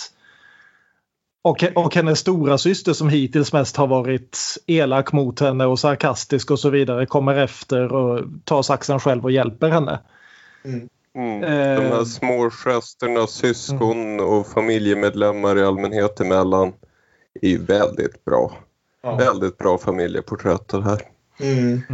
Och jag dog lite grann inom mig för som vi sa här, de rev det här enda fotot på pappan. Eh, Parvana missar ju nästan att mamman blir nedslagen därför att hon springer iväg och samlar ihop alla de här bitarna. Men missar en. Och det finns en, bit, eller en bild där hon har samlat ihop alla bitarna av pappan som ett pussel. Men saknar biten i mitten där hans mun ska vara. Och bara litar en, en liten glad smile i mun. Och där någonstans brast mitt hjärta helt. liksom. Ja, fy. Ja. Det är för fint. Ja. Men så Parvaner går till marknaden utklädd till pojke och återigen, alltså det här med kroppsspråk i animation, det har vi pratat igenom hela det här, hela det här avsnittet. Men man ser direkt hur annorlunda hon blir bemött. Det är helt otroligt. Och Det är att filmen, det är nästan min filmen, gör, det. Alltså. ja, det filmen gör en väldig poäng av detta. Både liksom tonfallet och hur folk tittar på henne och allting. Det är liksom, åh, en ståtlig ung taliban, honom blir det folk av. Och hon springer då ihop med en före detta skolkompis. Eh, Shawi- Shawiza som också är utklädd till pojke sedan ganska länge tillbaka tydligen. Och som blir lite grann av en mentor för henne. Jag tänkte lite på det här. Ja, det är också en väldigt fin scen tycker jag när de träffas. Mm. Och ja, hon får syn på någon som hon halvt känner igen och är imponerad av och lite tar som modell. Lite så dras hon in i gränden av den här främlingen och det här kan gå hur som helst. Och så avslöjades att, att han är en hon. Och så blir de de finaste av vänner. De två mot världen. Ja men lite så. Alltså, de, är ju lite, de är ju gömda. De är ju fan spioner nästan ute i det här va. Som rädda att avslöjas vid varje ögonblick. Men samtidigt på grund av den här liksom, dolda identiteten får en helt plötsligt få uppleva liksom, det är samma värld men den behandlar dem helt olika. Och det är, jag tycker det är helt fascinerande i scenen jag funderar på det här, har vi ett bra svenskt ord för breadwinner? För det är liksom, vi säger ju någonting om att man tjänar brödfödan och så vidare. Men vi har aldrig riktigt böjt det på det sättet. Mm. Den, den svenska titeln är väl Den osynliga flickan. Ja, ja. Ja, och det är Det inte... betyder det är inte samma sak. Nej, det är inte en Nej. lika bra titel, det är det inte. Det är en referens till den osynliga handen, Adam Smith där, kapitalismen. Ja, eller jag tänker mer på Mumin snarare med, med, Ja. när, när jag hör den osynliga flickan. Men... Mm. Eh, ja, bröd, bröd... Nej, det kanske inte finns det någon direkt översättning. Ja, och tjäna ihop brödfödan pratar man ju om. Men... ja exakt. Ja. Om det är väl, det är, ja, det är, det är väl familjeförsörjare eller något då som är Ja, närmsta, precis. Något sånt. närmsta översättning. Men hur som helst så en av grejerna hon gör då är att ta över pappas stånd och sitta där och erbjuda sig att läsa och skriva brev åt folk. Mm. Därför att Afghanistan är ändå ett land där långt ifrån alla är läs och skrivkunniga. Och en av dem som dyker upp är en vi såg i öppningsscenen där, en kompis inom talibanerna till Idris. Mm. Som ver- verkar vara inte fullt så fanatisk som sin eh, moppemuschige kompis utan lite mer om inte relaxad så i alla fall lite mindre aktivt illvillig. Och eh, han ber henne läsa ett brev och det visar sig vara ett dödsbud att hans fru har klivit på en landmina och dött. Mm. Och det- är återigen det här kroppsspråket här när du ser den här gigantiska mannen som sitter bredvid den lilla flickan bara sjunka ihop och dö inombords. Ja, det är fantastiskt. Utan att kunna säga något om det därför att det är inte någonting han förväntas känna. Nej. Men eh, man ser verkligen hur det brister inom honom här och han liksom bara halvt ramlar i kull och halvt reser sig upp och bara lommar därifrån. Och det är någonstans här, jag kommer inte ihåg exakt vad det är, men det är någonstans här som vi börjar få känning av att ett nytt krig är på gång. Om det nu är kriget 2001 eller vilket, vilken av alla konflikter det nu ska vara. För som sagt, om boken är skriven 2000 kan det inte. Nej, men de har, de har medvetet flyttat fram det inom filmen. Ja, det är så. Mm.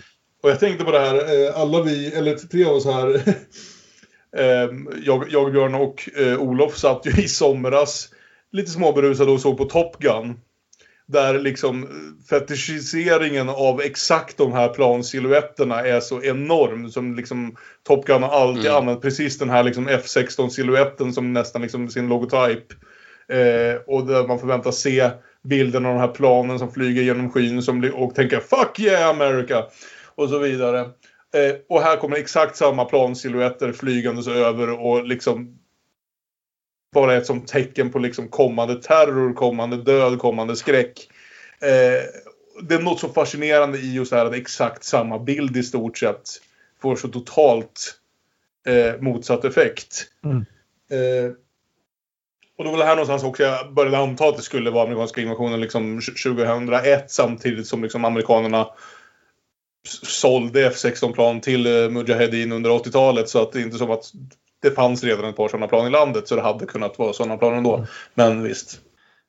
Men sen så får vi ju, ja, det är ett gäng scener här som mer eller mindre bara fördjupar den här världen. Väldigt fina scener. Du har mamman skriver till sina kusiner i en stad som inte är besatt av talibanerna och ber dem att låta sin äldste son gifta sig med hennes äldste dotter så att de kan komma därifrån.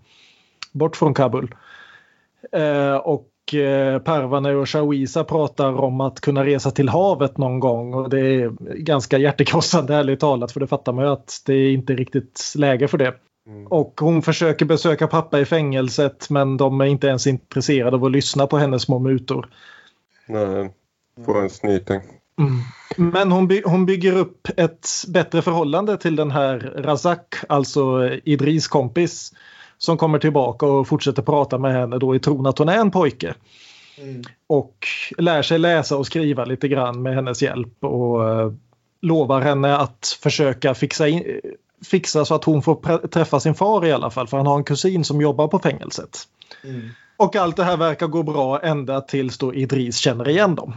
Och, och här, här så är det ju liksom återigen, jag, jag, jag älskar hur filmen kan vända på, eh, på en hårnålskurva här. Ja. Att då har du den här fruktansvärda scenen där då Idris jagar efter de här två unga tjejerna Mm. med allt vad som läggs i den här grejen. Liksom att få se nu, är ni gamla nog för att jag ska bli arg över att jag blir upphetsad över er än? Ja, precis. Eh, och han skjuter efter dem och alltihopa och just när han ska få tag på dem så kommer det en jeep och säger du striderna har börjat nu får du faktiskt hänga med och visa att du är en riktig karl här. Ja, precis. Mm. Och han krymper ihop till en liten pojke i en handvändning. Och inser att allt det här jag har snackat om och alla de här försöken jag har varit och visa mig tuff. Nu ska jag faktiskt ställas mot stridsvagnar här. Det är nog kanske det här som gör att jag... Alltså, jag säger inte att inte andra studios gör det bra, men just det här att typ animera sorg på något sätt i kroppsspråk. Eh, det är väldigt mycket det som får även deras tidigare Song of the Sea att fungera som handlar om liksom en familj som förlorar sin mamma i grund och botten. Och, eh, och pappan som du vet är animerad på animerat sätt som att vara typ fem gånger så stor som, som sina barn. Han ser ut att vara minst tre meter stor. Eh, bara sjunker ihop och har liksom krökt rygg resten av filmen. Eh, från att vara liksom ett berg av en man till att vara någonstans, ja, en grushög. Eh, och exakt samma trick lyckas de ju med här. Liksom, både, både i den här scenen när Razak får sitt brev och sen här med, med han Idris. Eh, alltså, jag, jag, jag är så fascinerad i vad det, vad det är som gör att animation kan, kan få in sådana detaljer i det. Jag vet att vi har pratat om det ibland, kanske framförallt med Studio Ghibli, Eldflugornas grav och så vidare. Eh, så nej, för fan. Det finns sådana otroliga ögonblick i det där. Och, och att de gör detta utan att antingen få oss att... Han är fortfarande skurken i dramat liksom. Mm. Men han är också en väldigt rädd liten pojke. Mm. Och han liksom sätts, sätter sig bland de här mer erfarna killarna och bara darrar. Och det enda hjälp han får av dem är att en av dem puffar undan hans gevärspipa ur ansiktet på sig. Ja, precis. Mm. Och det är liksom... Återigen, det är ett systemfel här någonstans. Exakt. Ja. Och han trodde att han hade listat ut systemet och det hade han inte. Nej, det är så få, få i den här filmen som verkar nöjda med systemet. Det är ju alltid det som är liksom ja, det, det ofattbara Mm. med, med den här typen av system. Att det är så få människor, som- det, det verkar göra så väldigt få människor lyckliga under det och ändå hävdar de sig vilja kriga för det. Och, och, vi, och vi ser ju heller aldrig någonstans i hela filmen någon form av auktoritetsperson. Utan det är ett system där alla förtrycker alla. Där alla försöker visa sig vara värst. Eller bäst. Men det, du får aldrig liksom någonsin höra en mulla som uttrycker sig hur det ska vara. Du får aldrig Även när amerikanska så, eh, militären dyker upp så gör de det ju i form som sagt av jetplan som stryker fram och bombar från hög höjd. Du får aldrig se någon människa fatta beslut runt allt det här utan det är bara ett gäng människor som har blivit instängda i en bur tillsammans. Och klart att filmen är ju från Parvanas perspektiv också. Det, och det är liksom... Vi ska väl också uppfatta det som hon uppfattar. Så det, det, det är ju på, på den, den, den lilla världen runt henne som vi befinner oss i. Mm. Så, så det, det är väl kanske... Eh, det är väl kanske förståeligt att, att filmen väljer att, att göra så. Att, att, alltså att det, det, det, de här stora perspektiven, dels så spelar det kanske inte så stor roll för det, det går inte att påverka dem. Men, men, men eh, precis som att Parvana inte förstår sig på kanske de stora perspektiven så behöver inte vi göra det heller. Nej, men samtidigt jag tänker på en, en film som ligger nära att dra paralleller till det här. Det är ju Marianne Satrapis Persepolis. Mm, precis. Eh, en hel del på Som ju utspelar sig under iranska revolutionen. Och, Den funkar väl lite annorlunda ja. ja, precis. Men eh, där har du ju en huvudperson som är ungefär samma ålder. Ja. Eh, men där det är ju en annan historia som Satrapi vill berätta förstås. Men Mm. där du ändå har liksom hela tiden radioapparater där Khomeini håller sina tal och där föräldrarna, liksom, Mm. vi får följa föräldrarna lite mer i deras vardag och så vidare. Mm. Men här, här är det så väl, ett så väldigt medvetet val att ingen, vare sig de vuxna eller barnen, får liksom se någon fatta besluten här. Utan alla är verkligen fast i, de har fått ett mönster tillskrivna sig och förväntar fan med hålla sig till det. Och är det kanske så att det gör det hela mer otäckt än i Persepolis? Ja. Jag, jag tänkte nog det också. Ja. Mm. Att, att, Persepolis man inte, att man inte förstår gör det, gör det värre för att man famlar bara. Mm. I- Innan, innan vi tänkte, vad heter, eller kom på det här med att det var intressant att koppla samman den här med, med prins Ahmed just bland annat på grund av hur lång tid det är mellan dem. Så hade jag en kort stund tänkt föreslå att vi skulle ha gjort ett avsnitt om Breadwinner och Persepolis. Eh, jag är glad att det blev så här nu ändå, men, men den tredje filmen här, gissa den tredje innan, men, men, men jag tänkte inte välja den ändå. Men om, om, om ni gillar vad Breadwinner liksom har att erbjuda så kan jag rekommendera att man går vidare och ser Persepolis också. Ja. Eller läser För där boken. gör Iggy ja. Pop en röst. Ja. Om man ser den på engelska. Ja. Men just apropå prins Ahmed så får vi nu faktiskt en scen som verkar vara lånad ganska rakt av av prins Ahmed. Ja, precis. Ja, det var Nej. trevligt. För den här sagan fortsätter ju mellan scenerna och eh, där då pojken i sagan blir nedkastad i en brunn och tillsagd att hämta upp juveler precis som Aladdin blev nedkastad i en brunn och tillsagd att hämta upp en lampa. Och vi får här också veta då att när hon får frågan men vad heter pojken då så svarar hon Suleiman. Och då har vi då fått veta är hennes döde storebror. Och här, någonstans här börjar ju den här sagan vara något mer än bara en glad eskapism. Det, verkar, det finns något verkligt bakom den här. Mm. Ja. ja, det är ju det någonstans som, eh, som jag känner ger filmen den här lite extra dimensionen. Är just den här återkommande sagan och hur långsamt förstår hur den knyter samman till... För, för det ligger ju ett mysterium. Det finns ju ett mysterium i den här filmen i just vad som hände eh, med storebror. För liksom, Han har dött på något sätt men mamma gillar inte att prata om det och eh, Parvana var för liten för att komma ihåg exakt vad som hände. Jag tror hon säger att hon kommer ihåg att han fanns där. Mm. Och så vidare men han kommer, hon vet inte vad som hände honom. Mm. Eh, Och, och detta kommer ju tillbaka rejält då i nästa scen där eh, mamman talar om för Parvane att stora syster ska gifta sig och imorgon ska de åka iväg till den här andra staden. Mm. Eh, och hon måste stanna hemma. Men Parvane säger nej men det är ju idag jag ska få träffa pappa. Det är ju idag Razak har fixat så att jag ska komma in i fängelset. Och mamman när hon då ser sin dotter uppklädd till sin döde son glömmer sig och kallar henne för Suleiman. Mm. Och bönar och ber henne att stanna kvar för annars kommer de aldrig att ses igen. Ja, nej, det är ju... Ja, Ja. det är lite Ja. jävla tungt alltså, men det är, det är också väldigt effektivt. Och, och just den här insikten med bara sådana saker, att råkar man åka iväg att leva under de här situationerna där om du råkar åka iväg från någon, från någon liksom en dag för tidigt så liksom finns inte infrastrukturen, inte kommunikationerna, inte sådär att att liksom hitta dem igen. Hon menar inte att de nödvändigtvis kommer dö och därför kommer de inte ses igen utan bara att de kommer inte kunna hitta varandra. De kommer inte ha möjligheten att, att nå fram till varandra. Eh, liksom, det- visst, att, det visst, finns- visst att SJ ja. jävlas med mig ibland men jag tänker ju aldrig att jag, att jag inte kommer få se er igen om jag råkar missa ett tåg. Ja. Eh, liksom... Som sagt, det, det, det finns anledningar till att det finns organisationer i hela världen som jobbar med att leta upp människor åt varandra. Är Mm. Inte minst i flyktingläger. Och det här blir ju då också, visar det sig nästan sant, för hennes nästkusin dyker upp alldeles efteråt och säger det där med att åka imorgon, det kan du glömma, vi måste dra nu, för kriget är på väg nu. Mm. Och mer eller ja, rakt av tvingar mamma och stora syster och lillebror att åka iväg på stört. Mm. Ja, nej, det, det är mycket intensivt här och jag kände någonstans vid det här laget så var jag så inne i filmen att jag ser att mina anteckningar liksom nästan slutar lite grann förmodligen för att jag var så pass inne i den. Jag tog ganska gott om anteckningar under första timmen men Mm. här på slutet satt jag bara liksom...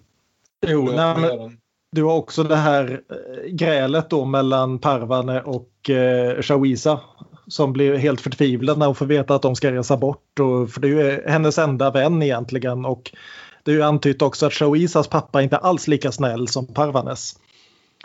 Mm. Och det slutar med att de, ja, Shawisa ger Parvane alla sina pengar och de lovar att mötas på den här stranden i Goa om 20 år. Vilket när man är 11 år gammal är ganska lång tid alltså. Men det är nu. Ja, det är nu. Det är 2001 så nästa år. Mm. Mm. Precis, jag började tänka där. Och se den utspelar sig och den kom. Nej, det kan inte sluta med en 20 år senare scen.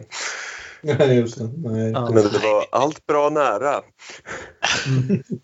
Ja, jag satt nästan och hoppades på det. Eller jag visste inte om jag skulle hoppas på det eller ville hoppas på det. Men ja. Nej, Ja. Det är inte säkert det hade blivit ett bra slut. Heller. Nej. Du menar Nej. att 20 år senare eh, inte alltid är lysande? Du som Harry Potter-man. Nej, men, men det, det, är, det är ju ett, en av de värsta grejerna med Harry Potter näst efter Quidditch. Den där, den där epilogen. Så att, eh, Ja. den, den låtsas jag som att den inte finns. Men nu går ju filmen verkligen in i overdrive här. För nu, som sagt, nu kommer ju planen och bombar och alla vapenföra män förväntas rafsa ihop vad de har och dra till fronten. Och eh, alltså det montaget det går in i här, där vi alltså har eh, tre stycken olika handlingar som ska vävas ihop. Det är att eh, Parvane har tagit sig till fängelset där de håller på att eh, varva ihop alla fångar som inte villiga att gå ut i strid och avrätta dem. Eh, och där Razak då ska försöka hjälpa henne att få ut sin far. Där mamman har blivit kidnappad och absolut inte vill bli kidnappad och åka ifrån sin dotter. Och där Parvan är fortfarande i huvudet då reciterar den här sagan om sin, som det visar sig, sin storebror och vad som faktiskt hände med honom. Ja, nej, det, är, det är otroligt för det här laget. Just stämningen den bygger upp, hur tempot driver igenom. Och som sagt, det var inte den typen av sekvens där jag kände att jag ville pausa och skriva ner mina tankar om det. Utan jag satt och bara upplevde det. Eh, jag tycker det är jävligt starkt gjort, väldigt effektivt. De jobbar, förutom vi har pratat mycket om hur vackra båda de här filmerna är rent visuellt. Men eh, Breadwinner gör även otroligt mycket rent med ljudet, med musiken som går över i ljudeffekterna och så vidare. Ja. Eh, så jag sugs verkligen in i den här delen av filmen. Mm. Och där- hur allting börjar spela mot varandra, sagan mot verkligheten. Hennes jättelilla perspektiv och hur hon så naivt tänker att det kan väl inte ha ändrats att eh, han skulle jobba här i fängelset på onsdagen och jag skulle få träffa pappa. Nej. Eh, det är krig! Det är krig lilla barn. Det är som, vilken var det? Var det i Ormens ägg som de beklagade sig över att tågtabellerna inte längre funkade nu när depressionen hade kommit liksom? Mm. Ja. Eh, och, och, och, och Och musiken... det här med och det här med hennes döde bror som nu hon är. Han är tillbaka i form av henne och de levande, de döda, sanning och påhitt. Det är Mm. bara, allt går runt och det är, Mm. det är sagoberättande på högsta nivå. Ja. Ja, och det är också väldigt starkt användande av musiken av Michael Danna som jag tänker på mest om att eh, för länge, länge sedan på en tid som kallas för 90-talet så var Atom Egoyan en av världens bästa regissörer. Han slutade vara det efter 90-talet. Men han jobbade alltid med Michael Danna och eh, Michael Danna gjorde mycket fantastisk musik till hans filmer. Så jag var lite glad och ytterligare lite underhållen när jag såg att eh, musiken till den här filmen var gjord av Michael Danna och hans lillebror Jeff. Ja. Lillebror Jeff fick vara med på sidan där. Mm. Ja. Och du har det här då där eh, Parvane helt enkelt, hon kommer väl ut kan man väl säga till Razak och berättar, ja men det, är- jag är Parvane, hans dotter, du måste hjälpa mig att få ut honom. Och Razak bestämmer sig för att okej, Mm. nu är hit men inte längre, nu fan, nu får vi skärpa oss, nu, vi kan inte göra så här mot människor. Och skottskadad bär ut hennes pappa. Mm. Och det är, ja, Det är en tung jävla film som sagt. Ja. Eh, An, an, animerad, det är liksom en av de vuxnaste animerade filmer jag känner att jag har sett. Utan att, sen finns det liksom ren animation som används för liksom ren liksom skräckgård-grejer. Men jag tänker att det är någonstans här. Det är ju inte en film som är brutal på det sättet att det inte skulle gå att visa den för äldre barn.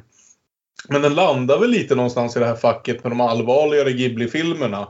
Eh, det blåser upp en vind och, och eh, Eldflugornas grav liksom. Mm.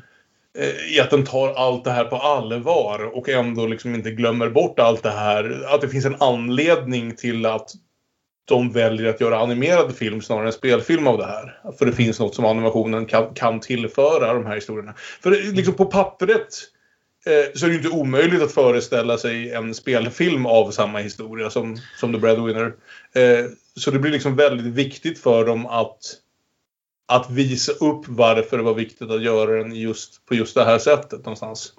Nej, men- nej, men det är just det här ögonblicket när då den här tecknade sagan som är tecknad mycket mer som en tecknad film än vad den vanliga filmen är. Går över, och inte minst voiceovern där går över från att vara liksom den här peppiga, käcka voiceovern till att verkligen vara en livrädd pojke som berättar så här dog jag. My name is Sulaiman. My mother is a. My father is a teacher. And my sisters always fight each other. One day I found a toy on the street. and I picked it up. and It exploded!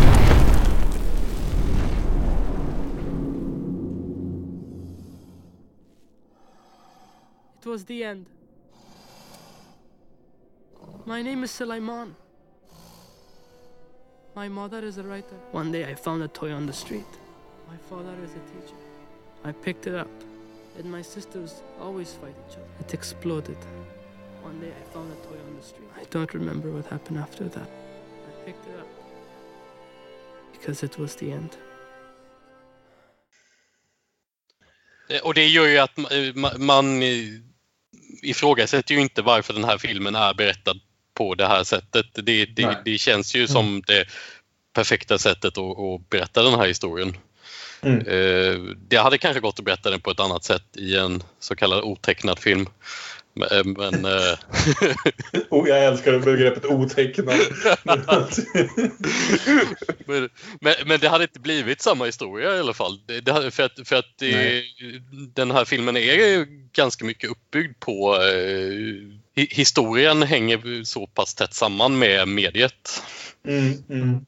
Det, det är ju det som bra tecknad film kan göra. Eh, både för vuxna och barn. Liksom just det här verkligen leka med gränsen mellan vad berättaren tror sig hända, vad vi ser hända och vad man berättar för sig, det man berättar ska hända etc. etc. Och skilja dem åt eller slå ihop dem. Ja, nej, det är... Och så slutar vi ändå med lite hopp med mamma Fatime som återförenas med sin äldsta dotter och son efter att ha skrämt bort den här kidnapparen. Mm. Och Parvane som väcker sin pappa medan hon drar honom genom vildmarken med att berätta samma saga för honom som han berättade för henne i början. We are a fractured land in the claws of the Hindu Kush mountains, scorched by the fiery eyes of the northern deserts. Black rubble earth against ice peaks. We are Ariana, the land of the noble. Raise your words, not your voice. It is rain that makes the flowers grow, not thunder. Jag tolkar det som väldigt tvetydigt här på slutet ifall, Mm. Ja, de, de är ju på vi två... klipper innan katastrofen eller Mm. vad som ska hända nästa är oklart. Ja, Jag slutar med hopp i alla fall. Ja, Ja. precis. Det är, inte, det är inte helt kört. Det är liksom... Det fin, just därför tror jag att det liksom... Vi vill kunna hoppas och tro att det här går bra på något sätt. Vilket väl är lite också en del i varför eh, den lägger in de här sagobitarna som liksom ger oss en hopp och tro på något, att, att, att det fantastiska kan hända. Att inte allt behöver sluta i tragedi bara för att världen ser ut på det här viset. Att Det fly känns som- verkligheten för att faktiskt kunna se den i vitögat. Det känns som att vi allihopa var ganska tagna av den här. Jag tyckte båda var bra den här veckan. Mm. Några saker som ni in- inte liksom tycker funkar med den sådär. Några... Nej men alltså stora problemet med sådana här filmer blir ju att eftersom vi har 51 369 filmer om tjecka amerikaner som rånar banker men vi får bara en film lite då och då som handlar om eh, människor i tredje världen som genomlider saker som vi inte ens kan föreställa oss. Så blir det ju alltid den här lite grann frågan, men borde de inte också ha berättat det här? Borde de inte ha gått vidare och täckt in det här? Borde de inte ha täckt det från den här vinkeln? Etc. Mm. Vilket är orättvist egentligen att lägga på någon film. Så på så vis kan man ta, det, det finns andra ingångar till den här historien. Det finns, det finns ännu mörkare sätt, ställen att ta den här historien till. Mm. Och det finns ju andra afghanska filmer som behandlar det också. Jag tänker på till exempel, eh, vad heter den, Tålamodets sten. Mm. Jag, jag blev så här, jag började fundera på om jag har sett så mycket afghansk film annars. Jag tror inte jag har det. Jag har sett liksom... Eh, Ja, det, fin- det, ja. Det finns ju inte mycket afghansk film tyvärr men det Nej. finns ju en del film gjorda av exilafghaner. Ja, Eh, precis. där då, Tålamodets sten är ju en. Nu var det länge sedan jag såg den men den är ju ännu liksom, eh, vad ska man säga, nattsvartare än den här. Mm. Eh, Räknas den där Rambo-filmen? Ja, Kommer ni ihåg den där gången när Timothy Dalton, vad heter det, vad heter det teamar upp med, med Mujahedin för att slåss mot elaka sovjeter? Det var tider det. made sense at the time. Och Lama Kimbaden, eller vad han hette. Ja, men Nej, jäklar. jag tycker inte allt är jättebra i Red Winner, men, men det är väl tredje akten när den riktigt tar fart och allting börjar gå ihop så väl. Och den här sagan som berättas om och om igen på olika sätt genom historien, komiskt och från olika perspektiv, hur den hur man får betalt för det spåret på slutet är ju Ja, det är lysande. Ja, den sag, sagan i sagan är ju någonting som, som, som vi var inne på att det, det är en slags andningspaus, vilket är väldigt fint, men också något som, som driver historien vidare som, man, som jag blir så här, konstigt nyfiken på att veta vad som händer trots att det som händer i den stora berättelsen är ju mycket viktigare. Liksom. Men, men, eh, men, ja, men hur, fan ska, hur går det för elefantkungen då? Ska han få ha kvar sitt utsäde? Ja. Jo, precis. Nej, ja. Och, så, och att se den ihop med, med prins Ahmed var ju också spännande när man märker att Breadwinner antagligen också har suttit och kollat på prins Ahmed innan de gjorde de här eh, sagoanimationerna. Att det är väldigt likt på några ställen. Ja. Både, de här, både de här gigantiska molnen som jagar vår huvudperson och alla liksom konstiga bifigurer som dyker upp. Och, ja, det är ganska mycket prins Ahmed i den där. Mm. Men eh, om, om det finns någon stor kritik man kunde ri- rikta mot den här filmen så är det ju att det är ren liksom young adult melodrama ibland. Och vi har ju sett den historien förut och att tillämpa den på ett sånt här läge, det, man kan ju diskutera det som sagt. Sen tycker jag den gör det bra och den gör det från mitt perspektiv i alla fall på ett sätt som är tillräckligt respektfullt för att det ska hålla. Eh, Men det är väldigt, man märker vä- väldigt tydligt den här treaktstrukturen och allting i den. Men det behöver inte vara en dålig sak för det är ju trots allt en tecknad film. Liksom. Den, den förväntas följa ett visst manus och jag tycker den gör det väldigt effektivt. Mm. Kände du till boken innan Björn? Är det något du har läst eller sådär? Inte läst, jag har hört talas om den, inte mer än Ja. så. Mm. Jag hade varken sett filmen eller läst boken innan men, men boken var väl den jag hade talas om mer egentligen. Har- Har någon förutom jag, sett några av de Cartoons eller Uns andra filmer? Nej, jag tror inte det. Men det blir man ju lite sugen på. Alltså Jag- Song of the Sea tycker jag är en riktig jävla hjärtekrossare. Den, den rekommenderar jag varmt. Eh, Secret of Kells kommer jag ihåg som visuellt fantastisk men också att den var lite mer den berättar li, lite som vad heter det, Prins av Ahmed var någon slags remix av, av Tusen och en natt så är den lite av en re, remix av den här liksom The Book of Kells, alltså olika irländska folksagor. Och därmed också inte riktigt lika, lika sammanhängande historien den berättar. Kan jag känna. Mm. Men jag kommer ihåg att den var visuellt jävligt imponerande.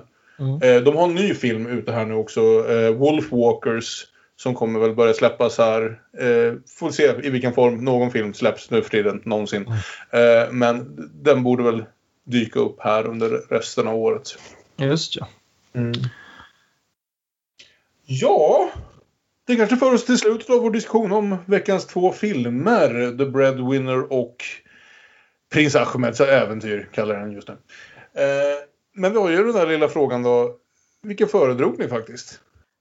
Eh, Det känns ju skitsvårt att välja en favorit av de här. För mig, för mig i alla fall. Alltså jag, blev, jag blev ju väldigt gripen av Breadwinner och det blir jag ju inte av, av Alltså prins Ahmed är ju inte en gripande historia på det sättet. Nej, nej. Men, men, men prins Ahmed är ju en, eh, en cool wow-upplevelse eh, på ett sätt som, som inte eh, Breadwinner är. Så nej, men jag, kanske, jag kanske ändå säger prins Ahmed då om jag måste välja en av de här två. Mm. Jag instämmer med Olof. Det, för dess ikoniska status, prins Ahmed. Jag är lite kluven faktiskt för jag är jäkligt glad att jag äntligen såg Prins Ahmed. Eh, och det är liksom som filmhistoria betraktat så är den ju fantastisk.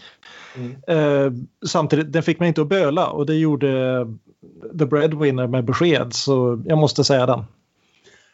Ja, jag är nog med Björn där. Och som sagt, det var andra gången genom Prins Ahmed för mig. Även om, och även om den första gången av helt andra orsaker inte lämnade några större intryck. Eh, jag älskar att titta på Prins Ahmed. Men det är ju verkligen att titta på och bara Åh, kolla vad tufft det där var! Och hur gjorde de det där? Och det där var smart tänkt och gjort. Och imponerande liksom hantverk. Prins Ahmed, Ahmed är liksom ett hantverk i världsklass. Det är också det här att den är nästan ett unikum i filmhistorien. Det finns ingen film som ser riktigt ut som den. Eh, men trots det kan den ju inte riktigt liksom beröra hjärtat på det sättet som någonting som The Breadwinner kan. Jag är otroligt glad att jag kom tillbaka till Prins Ahmed. För om det inte var för den här podden är jag inte säker på att jag någonsin hade landat tillbaka vid den igen. Men nej, The, The Breadwinner knäckte mig lite grann och jag börjar inse det också. att jag, Det är kul att ha en sån här hela animationsstudio. Nu, nu, nu när Pixar någonstans helt och hållet har tappat bollen de senaste fem åren och inte längre producerar klassiker efter klassiker. Eh, så har jag en ny favorit bland alla dessa animationsstudios. Eh, så jag, jag, jag hoppar på Cartoon Saloon-tåget och säger The Breadwinner. Och ser väldigt, väldigt mycket fram emot Wolfwalkers. Oavgjort. Oavgjort! Jag vet inte om det har hänt. Känns jag har helt bestämt hur vi ska faktiskt. avsluta säsong två, och, eller när, eller någonting sånt. Men eh, om vi ska göra en till screen drafts eller någon slags turneringssystem eller vad vi ska göra. Vi hade ju kul med screen drafts nu senast, så det kanske är det som är det roligaste systemet. Eh, men... Eh, Så då går Ja. båda de här vidare. ja, precis. Det närmar sig slutet av avsnittet, men innan dess ska vi väl alla få rekommendera varsin film som vi tycker passar bra ihop med dem. I, vad kallar vi nu det här Aron? Gissa den tredje. Det här är alltså segmentet där vi var och en rekommenderar en tredje film som vi tycker skulle passa fint ihop med veckans två andra filmer som vi precis har diskuterat. Prins Ahmeds äventyr och The Breadwinner. Eh, vem känner för att börja? Jag kan ta min för eh, den är inte superbra. Men eh, någonstans i Prins Ahmed när det bara dök upp fiende efter fiende så var det ju svårt att inte tänka på Scott Pilgrim vs. The World. Och det är ju också lite den här, om man ska koppla den till Breadwinner också så har man ju berättarglädjen som, som formar vardagen i den unge Scotts tillvaro. Så Edgar Wright, Scott Pilgrim vs. The World. Den fyllde 10 nyligen så jag antar det är 2010 då. Ja, Man kan också se en table read över Zoom som Ja. hela gänget gjorde för välgörenhet. Något En av, de få, en av de få bra sakerna med, med covid och att alla är instängda och att ingen faktiskt är ute och spelar in faktisk film längre. Det är att alla möjliga kändisar har börjat ställa upp på sådana här konstiga grejer som table reads. Så att trots att de gör en sån här film Ja, de försöker göra en read som Scott Pilgrim där varenda skådis i den jävla filmen är världskändis nu för tiden. Så hade de ändå tid att ställa upp liksom. Eh, ja, men jag kanske hoppar in härnäst då. Jag känner att jag har svårt att koppla min film till, till båda filmerna i och för sig. Så det här blir kanske mer breadwinner. Att om man... Bara det här att, att, att se delar av världen ur barns perspektiv är ju någonting som jag ändå har sett en del filmer göra. Kanske som i många andra eh, många andra fall. Vad heter det? Känns som att iransk eh, filmindustri har varit den mest intressanta delen från, liksom, om vi kallar det Mellanöstern eller så, under ganska många årtionden. Och Abbas Kiarostamis eh, Where is the Friends House, en otroligt klumpig översättning som jag alltid förvånas över att den inte någonstans bara döptes om i stil med hur vi döpte om Cykeltjuven till Cykeltjuvarna när vi kom på att det var så den faktiskt skulle heta och så vidare. Men den heter nu för tiden fortfarande Where is the Friends House. Är en fantastisk liten film eh, som låter oss, ger oss en inblick i liksom, det iranska samhället 1987 via en ung pojke. Eh, som helt enkelt, det, det, är världens minsta historia och den blir något så otroligt stort. Eh, precis som vi ser i The Breadwinner så är det två kompisar. En har en väldigt snäll mamma och pappa och eh, en har en pappa som är lite taskigare mot honom och slår honom när han liksom beter sig fel och så här. Och eh, kompisen med den snälla familjen inser att han kommer få med sig kompisens eh, läxböcker hem i sin skolväska. Vilket betyder att kompisen kommer inte kunna göra sina läxor. Vilket betyder att läraren kommer säga till, till kompisens pappa att han inte kunde sina läxor. Vilket betyder att han kommer få stryk. Eh, så hela filmen är en kväll när en ung pojke försöker hitta sin kompis hus. Trots att han inte riktigt vet vart han bor utan han vet att han har berättat att han bor bakom det gröna huset lite till vänster sådär. Och ger honom liksom skolböckerna i tid för att han ska kunna plugga så han inte ska få stryk. Och det är den minsta historien i världen och det är samtidigt någonstans den största historien i världen. För den går in så mycket på liksom samhällsstrukturerna, eh, hur vi behandlar varandra, både, både snällt och elakt.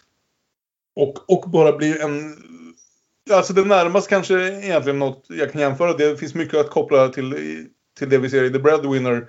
Men det går också ganska lätt att koppla till liksom kanske framförallt eh, Vittorio De Sicas eh, neorealistiska filmer som gillade att, att se samhället från, från, ja gärna från barnens perspektiv. Eh, jag älskar den jäkla filmen. Den är första delen i vad som brukar kallas för Kiarostamis Kåker-trilogi byggd kring byn Kåker då.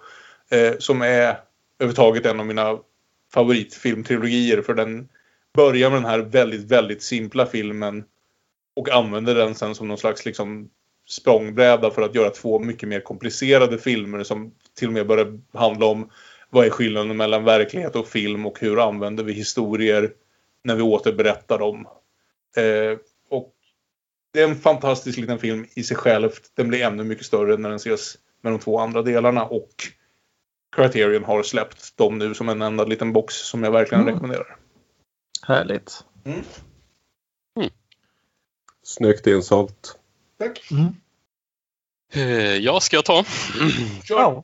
Ja, men jag försökte i alla fall eh, fundera en del på eh, finns det något som skulle kunna förena de här filmerna för mig?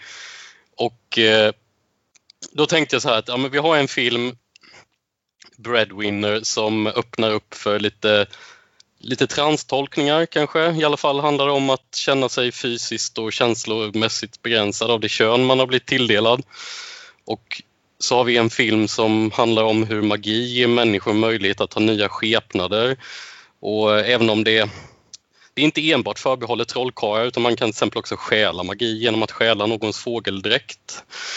Eh, och eh, då landade jag i eh, en svensk film, Pojkarna från 2016 som handlar just om att känna sig begränsad som tjej, vilja få uppleva hur man skulle uppfattas av omvärlden om man var en pojke istället. Eh, liksom Breadwinner så är det en film om eh, starkt systerskap. Det är flera tjejkompisar som genomgår den här förvandlingen tillsammans. Men eh, olikt Breadwinner, fast liksom i Prins Ahmed, så är det med hjälp av magi som man gör den här förvandlingen.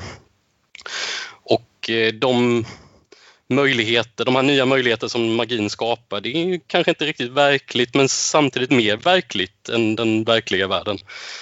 Och eh, tjejerna i pojkarna flyger inte fysiskt men de upptäcker en ny dimension på livet. Eh, och eh, det är en riktigt fin film, Pojkarna, och en bra filmatisering av en bok som jag också gillar, vilket ju inte alltid händer. Och eh, för övrigt en film såväl som en bok som är gjord av kvinnor så det kändes lite extra bra att få in av den anledningen. Jag sa att jag hade helt missat att den här fanns. Jag tycker inte jag brukar helt och hållet missa när det kommer en ny intressant svensk film. Så Nej. väldigt spännande att höra om. Och det är ju lite, det är ju lite genrefilm sådär också med lite med mag- magi och förvandlingar och, och så men den gjorde inte mycket väsen av sig när den gick på bio vill jag minnas. Nej, jag, Jag har aldrig heller hört om det. jag, har för, jag hörde talas om den när den kom. Det var väl något snack också om att det var en eh, väldigt lös eh, anpassning av Orlando har jag för mig. Eller att den var inspirerad av Orlando. Ja det fall. kan man nog, Ja. det, det kan jag tänka mig. Som ju också är en film vi har tänkt tackla vid något framtida tillfälle. Exakt Men så den får jag nog se till att se innan dess i alla fall. För det låter som någonting jag borde gilla. Tack för det tipset. Ja. Snyggt insålt igen. Ja. Och då får jag knyta tillbaka till eh, så kallade Orienten igen då. För jag tänker att när, när man berättar såna här historier så finns det ju liksom en tendens att vilja hålla sig realistisk och vilja skildra det här. Speciellt om man gör det utifrån, att man vill skilja det så respektfullt som möjligt. Och eh, den här filmen är en jag gillar därför att den vågar ta det här och faktiskt eh, göra om det till det jag kan tänka mig att det ibland kan kännas som, nämligen en ren skräckfilm. Och det är ju då eh, Baba Kanwaris Under the Shadow från 2016. Mm. Som då utspelar sig mitt under Iran-Irak-kriget. Där välutbildad övermedelklassmamma i Teheran som under de senaste åren har gått från att vara framgångsrik karriärkvinna plötsligt blir instängd i sin lägenhet och förbjuden att röra sig utomhus utan att klä sig på ett visst sätt. Samtidigt som Irak invaderar och missilerna regnar över Teheran och mitt i allt det här så blir det helt enkelt en ren skräckfilm därför att det finns inte längre någon, någon skillnad mellan de metaforiska och de verkliga fasorna. Det, det kan lika gärna vara Ginner som står för dörren som det är eh, himlen som bokstavligt talat kan rasa ner över ditt huvud när som helst. Eh, där, där du liksom får den här moralpolisen inopererad i huvudet och måste agera utifrån den oavsett om du själv... Det, är som, det översätter det lite grann med en, att bli besatt av en demon. Att du, du får det här i huvudet och måste hela tiden polisa dig själv. Och det är en, tycker jag, väldigt lyckad skräckfilm och väldigt lyckad eh, beskrivning av den här bisarra situationen. Och den finns också på Netflix. Fler borde se den. Den är väldigt, väldigt bra. Kul! Ytterligare en film jag knappt ens hört talas om måste jag säga. Alltid spännande när det händer. Jag säger inte att jag vet allting om allting men det händer väl oftare än inte att jag i alla fall har hört talas om filmerna vi pratar om här. Och det, och det är ju sällan man ser skräckfilmer på persiska dessutom. Så det är Ja. ytterligare ett skäl. Det för oss också in i en naturlig konversation En om... trippel på de bra insäljningarna ikväll. Ja. Det för oss också ganska naturligt in i en diskussion om eh, näst, vad vi ska titta på nästa gång. Nämligen att nu är det ju oktober och även om jag kanske inte är förtjust i exakt hur, hur vi har köpt in oss på den här amerikanska varianten av Halloween med allt vad det innebär. Så är jag i alla fall helt okej med att det innebär liksom en utsatt period när man får titta på så mycket skräckfilm som möjligt. Så det ska vi göra. Nästa gång så blir det eh, en dubbel av systrarna Soskas Rabid som väl är en remake på Cronenberg-filmen antar jag. Ja. Det är det. Ja. Och Julia Ducournau's Raw som ju skapade otrolig uppståndelse när den släpptes här 2016. Så två ganska nya filmer som båda två borde vara ganska lättillgängliga på di- diverse VOD-tjänster. Och eh, som väl ändå är så här utfärda en liten varning för mammor och andra som kanske lyssnar på det här att man ska nog ha, liksom, orka med en, ett visst mått av blod och äckel, gissar jag, som inte har sett någon av de här tidigare. Just för att jag ibland har lite svårt med sånt, men vad fan. Det är oktober, halloween och skräckfilmssäsong så jag stålmagar mig lite då och då. Du menar att just mammor skulle vara illa utrustade att hantera blod och äckel? Jag tror Jag att menar- Kalle tänkte på en särskild mamma. Jag tror, jag tror, jag tror Ah, att jag just i det här fallet kanske tänker på just en väldigt specifik mamma som brukar lyssna på det här. Och det för oss fram till musiken denna vecka. För även om de här två animerade filmerna som vi såg nu kanske inte var liksom den sorten som man först tänker på när man tittar på tecknad film så kan vi väl då istället koppla musiken till eh, förmodligen det man allra först tänker på när man tänker på tecknad film, nämligen Disney. Och det här ger ju mig en chans att sjunga eh, How far I'll go från Moana. Skriven av Lin-Manuel Miranda men sjungen av Auli i Cravallo. Och H ska tydligen vara hårt där. Det var det jag behövde kolla upp. Får se hur det går. Jag är mer nervös än över någon annan musikalisk insats jag behövt göra. Men vad fan, vi försöker ha kul med det. Och som alltid kan ni nå oss via sociala medier. Vi är att Damonpodden på såväl Twitter som Instagram. Vi är Damonpodden med Ä på Facebook. Man får mejla damonpodden at gmail.com. Eh, det är inte så många som har gjort det, så bli en av de få. Det vore jättekul att ha lite mejl att läsa. Och vi hoppas ni tycker det här har varit ett intressant avsnitt om lite ovanligare kanske animerade filmer och att ni vågar komma tillbaka nästa gång när vi ska prata lite blod. Ha det så bra så länge så hörs vi då. Hej då! Hej då! Hej då! Hej då!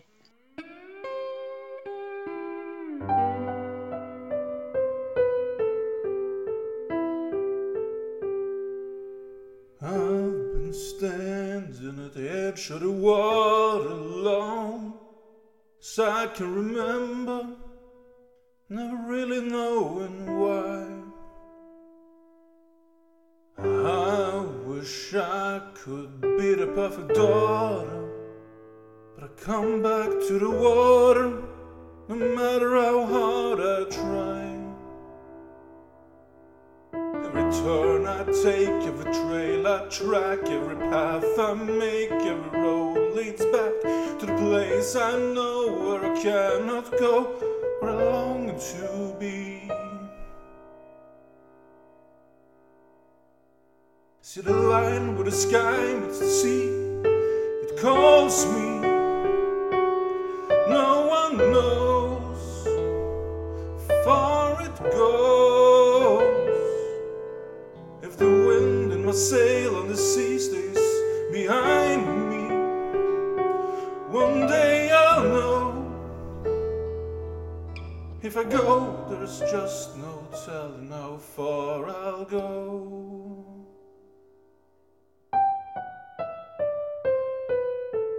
I know everybody on this island seems so happy on this island. Everything's by design. I know everybody on this island. So roll on this island. Maybe I can roll with mine. I could lead with pride, I could make us strong. I'm satisfied if I just play along. But the voice inside sings a different song. What is wrong with me? See the light as it shines on the sea, it's blinding. And no one knows how deep it goes. Seems like it's calling out to me. So come find me and let me know what's beyond that line. Will I cross that line ever since I was eight or nine? I've been standing on the shoreline